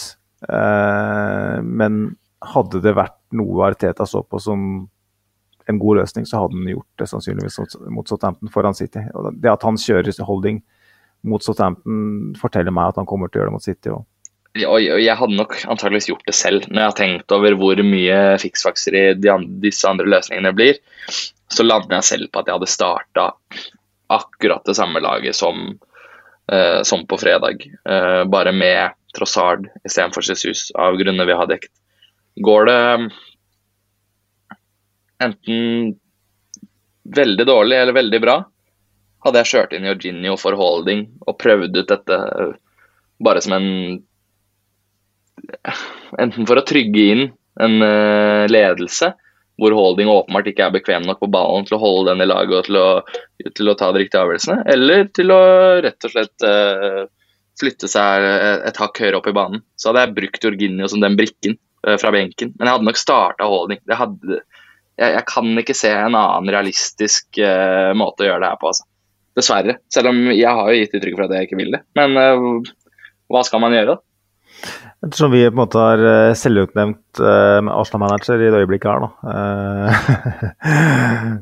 vi, det er jo vår, vårt privilegium som uh, podkast, uh, Sivert, at vi, vi, vi kan få lov til å synse litt om ting vi kanskje ikke nødvendigvis har kompetanse til å gjøre. Og jeg, jeg, jeg mener jeg ville nok vurdert ganske sterkt og, og kjørt Thomas Party som, som på høyrebekk. Rett og slett fordi at det, nå har vi sett det her ikke funke i såpass mange kamper. Um, prøv å sette flest mulig ballspillere på banen som kan å spille seg ut bakfra, som kan å holde ballen. Og funker det ikke, så justerer vi tidlig. Um, gjør noe annet. Prøv, prøv noe annet. Uh, det, er, det, er, liksom Det er min tanke, og da kommer folk til å le av meg og tenke at uh, du vet faen ikke hva du snakker om, men uh, det gjør jeg ikke heller, så derfor så, så satser jeg på det. Uh, tre dager, Sivert, eh, to dager når folk hører på, uh, til, uh, til Etiad-matchen. Um, vi har for så vidt allerede satt opp hver vår elver, uten å ta det veldig kronologisk. hva tror du, da? Sånn, hvordan går den kampen her? Jeg tror um jeg tror at uh, det, du, det du sa i stad, om at vi kommer til å ha 20 minutter hvor vi dominerer og er på topp, det, det tror jeg absolutt. Men jeg, jeg, det er et for viktig poeng. Det at uh, Altså, Får City kampen inn i sitt spor og har en god dag på jobben, så tror jeg et Arsenal-lag borte på et kommer kommer til å slite. Altså. Jeg tror, helt ærlig så tror jeg så, så, tror jeg ikke det kommer til å være hyggelig å podde på jeg vet ikke om deg og Simen skal ta en midtuke på det, men uh, i hvert fall da neste pod etter City. Jeg, jeg, jeg, jeg, ser det ikke jeg ser, ser det ikke skje, altså. At vi får med oss noe herfra. Uh, selvfølgelig. Starte party, som du sier, og er smart nok, rask nok og, og, og klarer å kontrollere build-upet på en sånn merkelig måte som nesten Stones gjør for City, liksom er han disiplinert nok og god nok til å gjøre det her, så selvfølgelig hadde det vært helt sykt om, om, vi gjorde et eller annet sånt, men nei, det, altså, det, her er ikke Pep sin første rodeo, altså. Det er, og han vet hvilke forutsetninger vi kommer til den kampen her med også. Vi får ikke mm. noe vi får ikke noe sånn eh, Vi kan ikke kontre City i senk, for å si det sånn. Altså, her må vi spille vår egen fotball og, og, og slå City fair and square. Og jeg vet Beklager, ass. Jeg skulle gjerne vært kulere enn det her, men jeg ser, jeg, jeg ser det ikke. Nei. Jeg syns det er veldig fair, eh, Sivert. Og um, det som gjør meg Altså Det som gjør at jeg ikke ligger eh, At jeg ikke vugger fram og tilbake i dusjen naken nå, er jo at uh, fotballkamp uh, på det nivået her, så kan alt skje. Og Southampton reiser til som 20.-plass uh, mot til ligaleder Arsenal og var fryktelig nær å vinne. Eh, hvorfor kan ikke vi da reise til Etiad og overraske dem? Det, det er, det er halmstrå. Og så tenker jeg òg at uh, ting kan skje. Eh, det kan det kan være en City-spiller som gjør noe fryktelig dumt ikke sant? og får et rødt kort. Altså, alt kan skje i en fotballkamp. ikke sant? Det er jo, Derfor så må vi sette oss ned og ha skal, en viss, et visst håp. ikke sant? Det kan, jeg skal jo jeg skal jo reise over opp, Mart. Jeg skal jo åpenbart reise over, så jeg vil, jo, jeg, jeg vil jo se den. Ja, og det kan, det kan skje. Ja. Det er ingenting som, uh, ingen, ingen, av oss som kan si at, uh, at det er rista i runer det som skal skje her. Jeg reiser over uten billett, til og med. Bare for å være med på galskap. Uh, har du ikke det? Jo, jeg har en jeg skal inn til fatter'n, og så skal jeg ordne meg. ja, men, men, men altså Vi må jo vi må jo tenke at det går. Ja. Det er bare da City har vært Europas beste lag nå i måneder. Og de henter verdens mest usjarmerende treble. FA-cupen, eh, Champions League og, og ligaen. det er et monster. Med jævla Braut på topp. Faen, altså. Det er um, De møter det beste laget i verden, uten tvil. Og um, et beste lag i verden med én skade. Uh, that's it. Vi har flere. Uh, dem er i kjempeform, og vi er uh, litt ute av det. Alt tyder på at det her ikke går. Um, men igjen, som jeg sier, i fotball så kan, kan alt skje. Kanskje har Arsen Wenger uh, godprata litt med Alf Inge Haaland og tilsatt litt safran i lasangen, som det er litt, uh, litt diverse i. Uh, sånn at uh, Brauten og, og De Bruyne og, og gjengen sitter på dass når kampen spilles. Hvem vet? Mye kan skje. og Derfor så må vi bare Jeg tenker sånn, så for å være brutalt ærlig, jeg tenker vi har 5 sjanse.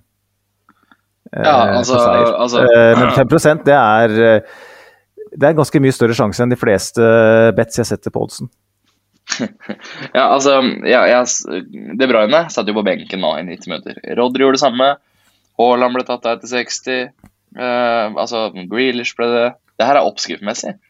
Det, altså, det er freshe, freshe City-karer som tenker at nå, nå skal vi ta nådestøtet. Altså, nå, nå skal vi endelig svinge denne pinnen over på vår halvdel. Altså, nå skal vi smashe Arsenal, har- som har leda tittelen i syv måneder.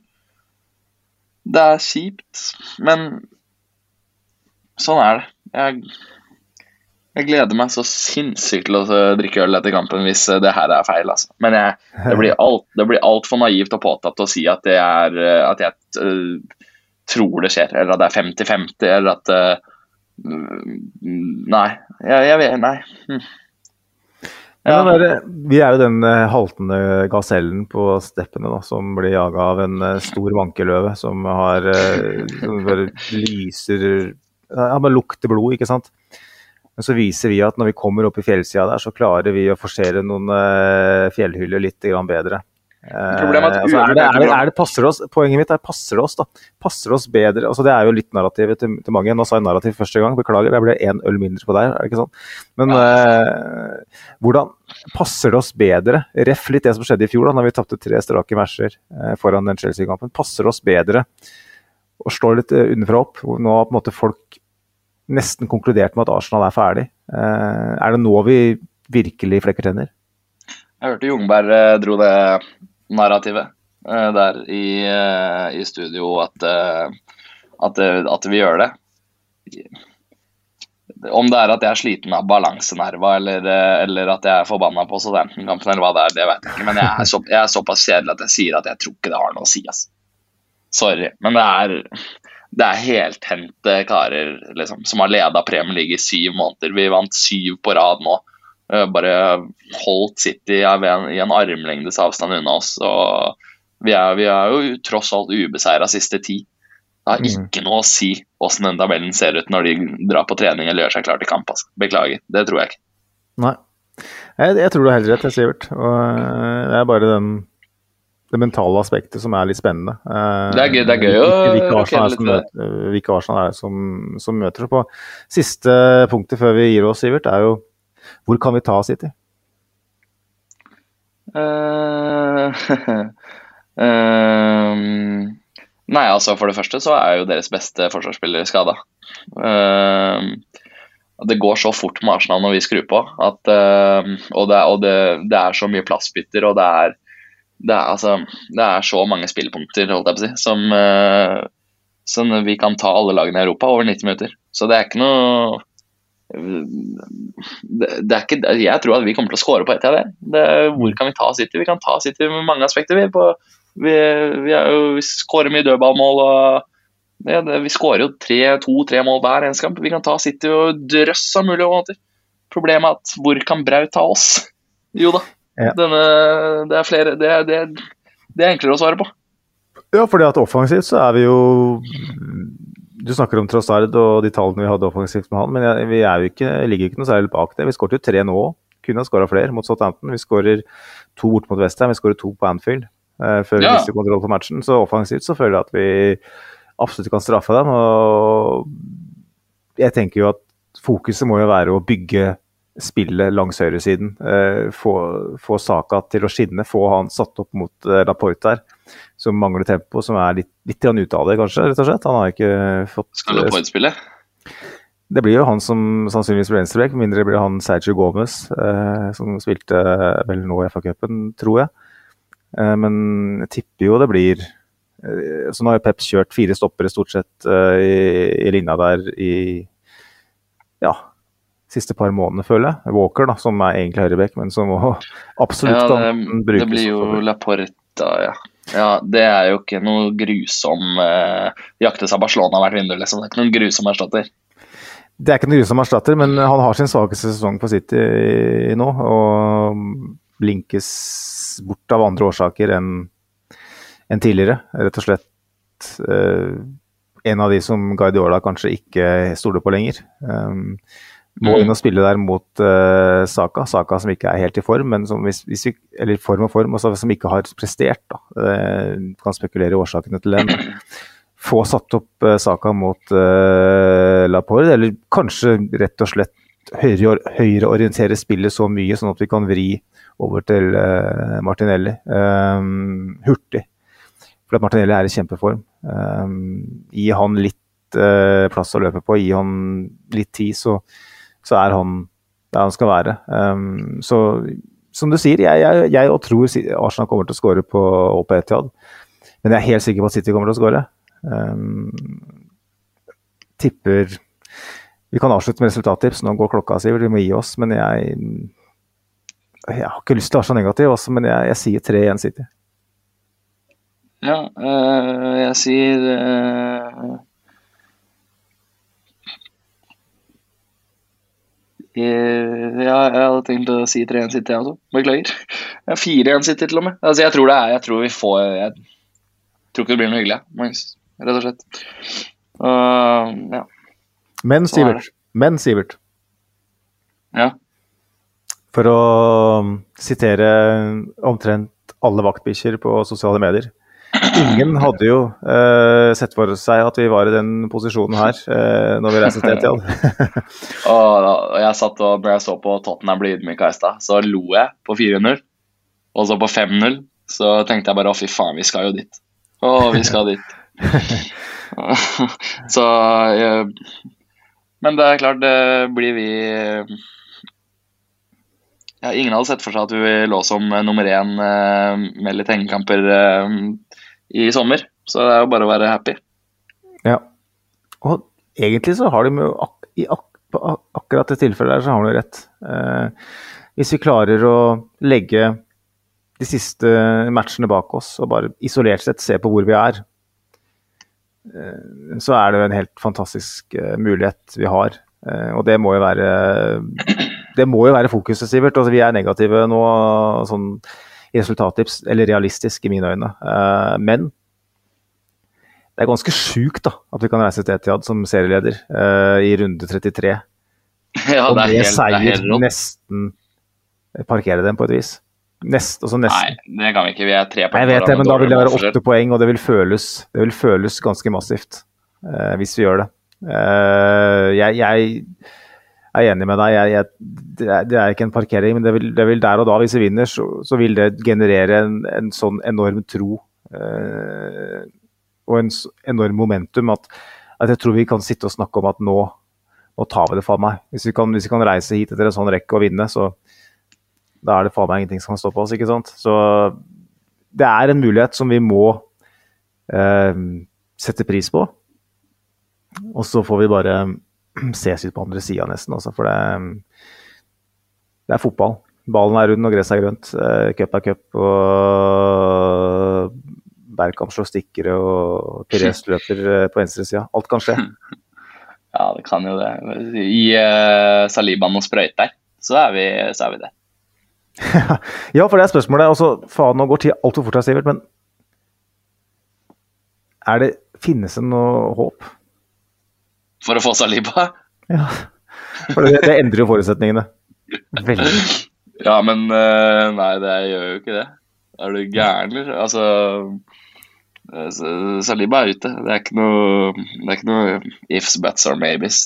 Han er ute. Dessverre. Altså. Da tar vi, en live, vi tar en livepod før match hvis han blir uh, bekrefta klar. Det er, ja, da er jo jeg manager. Vet du, jeg, skal, jeg har jo innlogginga på pod-greia. Jeg skal være litt aktiv der før kamp, for da kommer jeg til å være lystig om jeg får reist over. Det ser positivt ut. Ja, men det er strålende, Sivert. Eh, god bedring og god tur. Det er sjelden man ønsker det i samme setning. Ja, men ja, hvis jeg skal stå med litt uh, krystallsyke, holdt jeg på å si, litt, eh, litt uh, virus der, og kanskje jeg må til og med være edru og bli slappa 6-0, så skal jeg i hvert fall stå og klappe av gutta etter 90 minutter, så jeg slipper å få refs på Facebook. Det er ingen som tar deg seriøst hvis du sier at du har uh, krystallsyke etter den kampen der, for det, da vil du ha det uansett, tenker jeg. Det stemmer. Eh, Jeg tenker vi kan egentlig si god bedring. Først eh, sånn Eller jeg vil ikke ha motsatt rekkefølge. God tur, og så god bedring. Um, det er sånn jeg, det er sånn jeg reiser, reiser fotballturer, iallfall. Da starter vi den rekkefølga. Jeg, skal, Men, eh, jeg jeg er glad jeg skal bo i Liverpool, for det er bedre, det er bedre uteliv der. Vi tar, vi tar uh, uteliv i Liverpool i neste pod, eh, Sivert. Um, igjen god tur, og så til alle lyttere. Um, knask eh, valium og hjertetabletter og alt. Uh, this is it. Seriefinale på Etiad. Dæven klaske meg i ræva. Det er bare å det er bare å mobilisere eh, alt du kan, eh, Sivert, fra tribunen. Og så um, igjen, vi høres rett og slett på andre sida. Vær så snill, Arsenal. Vær så jævlig snill, overrask oss. Det er Hansa. Det er, det er Hansa, eller det er Hansa? For jeg drikker Hansa, ja. Begge deler. Yes. Vi høres. Ha det, ha det. Hei. Ha det.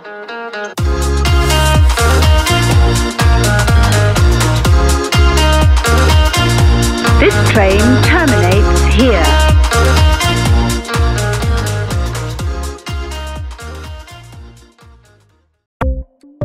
Ukens annonsør er HelloFresh. HelloFresh er verdens ledende matkasseleverandør og kan være redningen i en travel hverdag.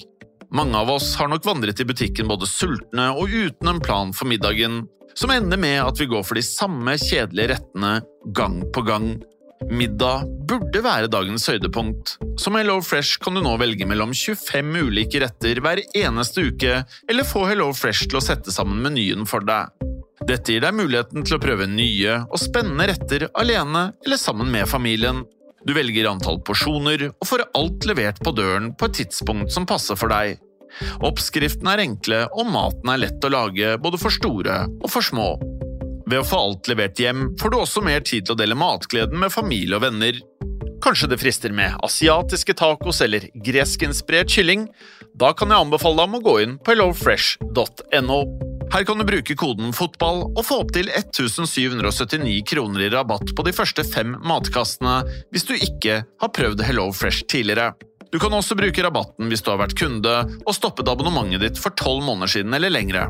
Gå inn på hellofresh.no og bruk koden FOTBALL. Har du et enkeltpersonforetak eller en liten bedrift?